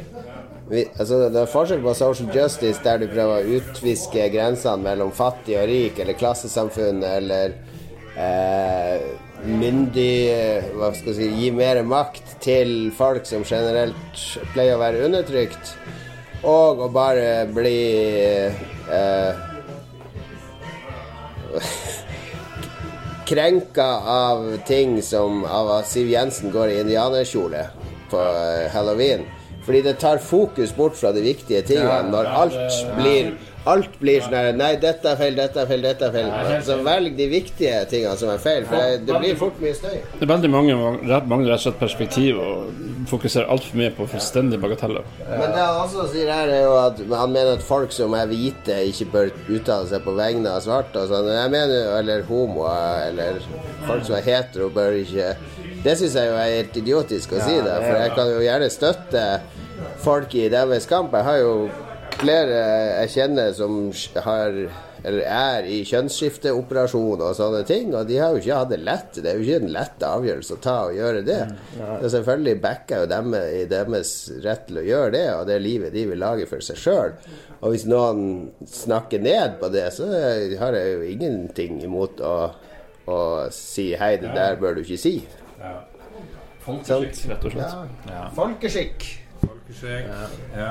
Men det, men det franske revolusjonen som du nevner der, det er litt interessant der, fordi at dem som endte opp med makta etter noen år, var jo Napoleon og de gutta der. Ja, Sånn at uh, Det, men det er jo klassisk. og Da har du sett ned i Afrika flere ganger òg. Det har vært eh, folkerevolusjon, og så, Egypt. så har det bare endt opp med en ny diktator. Egypt, for eksempel. Ja. Han Sisi. Han er jo Mm. sånn eh, Det var et leserspørsmål. Ja. Men det der, men det er sant det der med liksom Det er samme hvis du skal støtte en eller annen sånn syk sak. Du trenger jo ikke å ha hatt kreft for å støtte kreftsaken, f.eks. Nei. Nei, jeg er enig i det. Så, men det er vel litt alt med måte og uh, Så det trenger man ikke å henge seg så mye opp i alt som skjer. For jeg føler folk som sitter altfor mye på sosiale medier, de blir sånn tullete i hodet sitt. Fordi de blir sånn opptatt av alt mulig som kanskje Kanskje du burde ha andre ting å fokusere på. ja. Bare en ikke-sak, gjerne. Misforståelse, f.eks. Les mer kinesisk litteratur, f.eks. Ja. Heller var en som utvider horisonten din og perspektivet ditt. Ja, ja. Mm. gå gjerne inn i diskusjoner med det formål å tape diskusjonen. Fordi hvis du taper en diskusjon, det er jo da du utvikler seg. Det er jo det Sokrates sa jo det, vet du. At hvis han visste, å tape en diskusjon, for da lærte han noe. Jeg vet ikke om det var sant. Det er sikkert bare noe han sa. Han var sikkert dritsur da han tapte en. Og Inger Emilie Solheim, som lager mye grafikk for oss, vil høre våre tanker om anførselstegn. Hun er frustrert over å ikke finne den moderne varianten på tastaturet, og lurer på om vårt favoritt-anførselstegn er det der, eller de som går sånn. Det er mye kulere når du snakker og sier at Lars er smart. Med sånn, eller si Lars er smart. Det er, det er mye vanskeligere. Tegne fire vinkler, Ja. liksom. Ja, nei, det, er- det er de horisontale anf anførselstegnene. Jeg liker de vanlige, de horisontale. Eller sånne klemmer. Vert, vertikale er det vel strengt. Ja, jeg liker, jeg liker de, men i litteratur så er det ofte de der klemmegreiene. det er det. Men er det sånn eh, Er det noen som er sånn tegn- eller språkekspert som vet om det er forskjell på Kan du bruke begge i en tekst? At de betyr forskjellige ting? Nå har jo de forsvunnet, de der eh, skrågreiene, for de, de er jo så bortgjemt på tastaturet. Så i praksis er det jo på full fart ut. de på tastaturet i det hele tatt? Jo, men under sånne spesialtenger langt sjukt bort vekk. Hva for noen? De der? De der? Nei, de Ja, de der. Men noen ganger så gjør han om de der eh, loddrette til de klemmene av seg sjøl når du driver og skriver. Du putter inn klemmen, og så blir det Eller loddrette, så blir det de klemmene. Ja, det er sånne Microsoft eh, som er skikkelig idiotisk. Ja. Men de ser jo bedre ut, de klemmene. Sånn visuelt. Martin Pettersen Så interessert var jeg. Takk for eh, kjempeinteressant spørsmål, Inger Emilie. Hytte. Dette er palass, sier Martin Pettersen. Ja. Det er jo svær hytte, da. ja. Jeg delte videoer Men ute. eh, ikke større enn det må være for oss. Nei, nei, nei. Når vi er 12-13-14 på det jeg neste. vi fortjener det. Ja, det er en sånn rik svigerfar til Jon Cato, så er takk til han. Ja da. Eh, to, siste Torbjørn Skau, han er nordlending nå, mener han, og har ekspertise, så han skal snike seg med og sove i telt utafor. Da må du skifte om til nordnorsk dialekt og melde tilflytting til Harstad, tror jeg. For at ifølge de harde kriteriene som er her Visa. Visa til Nord-Norge. Visa, ja.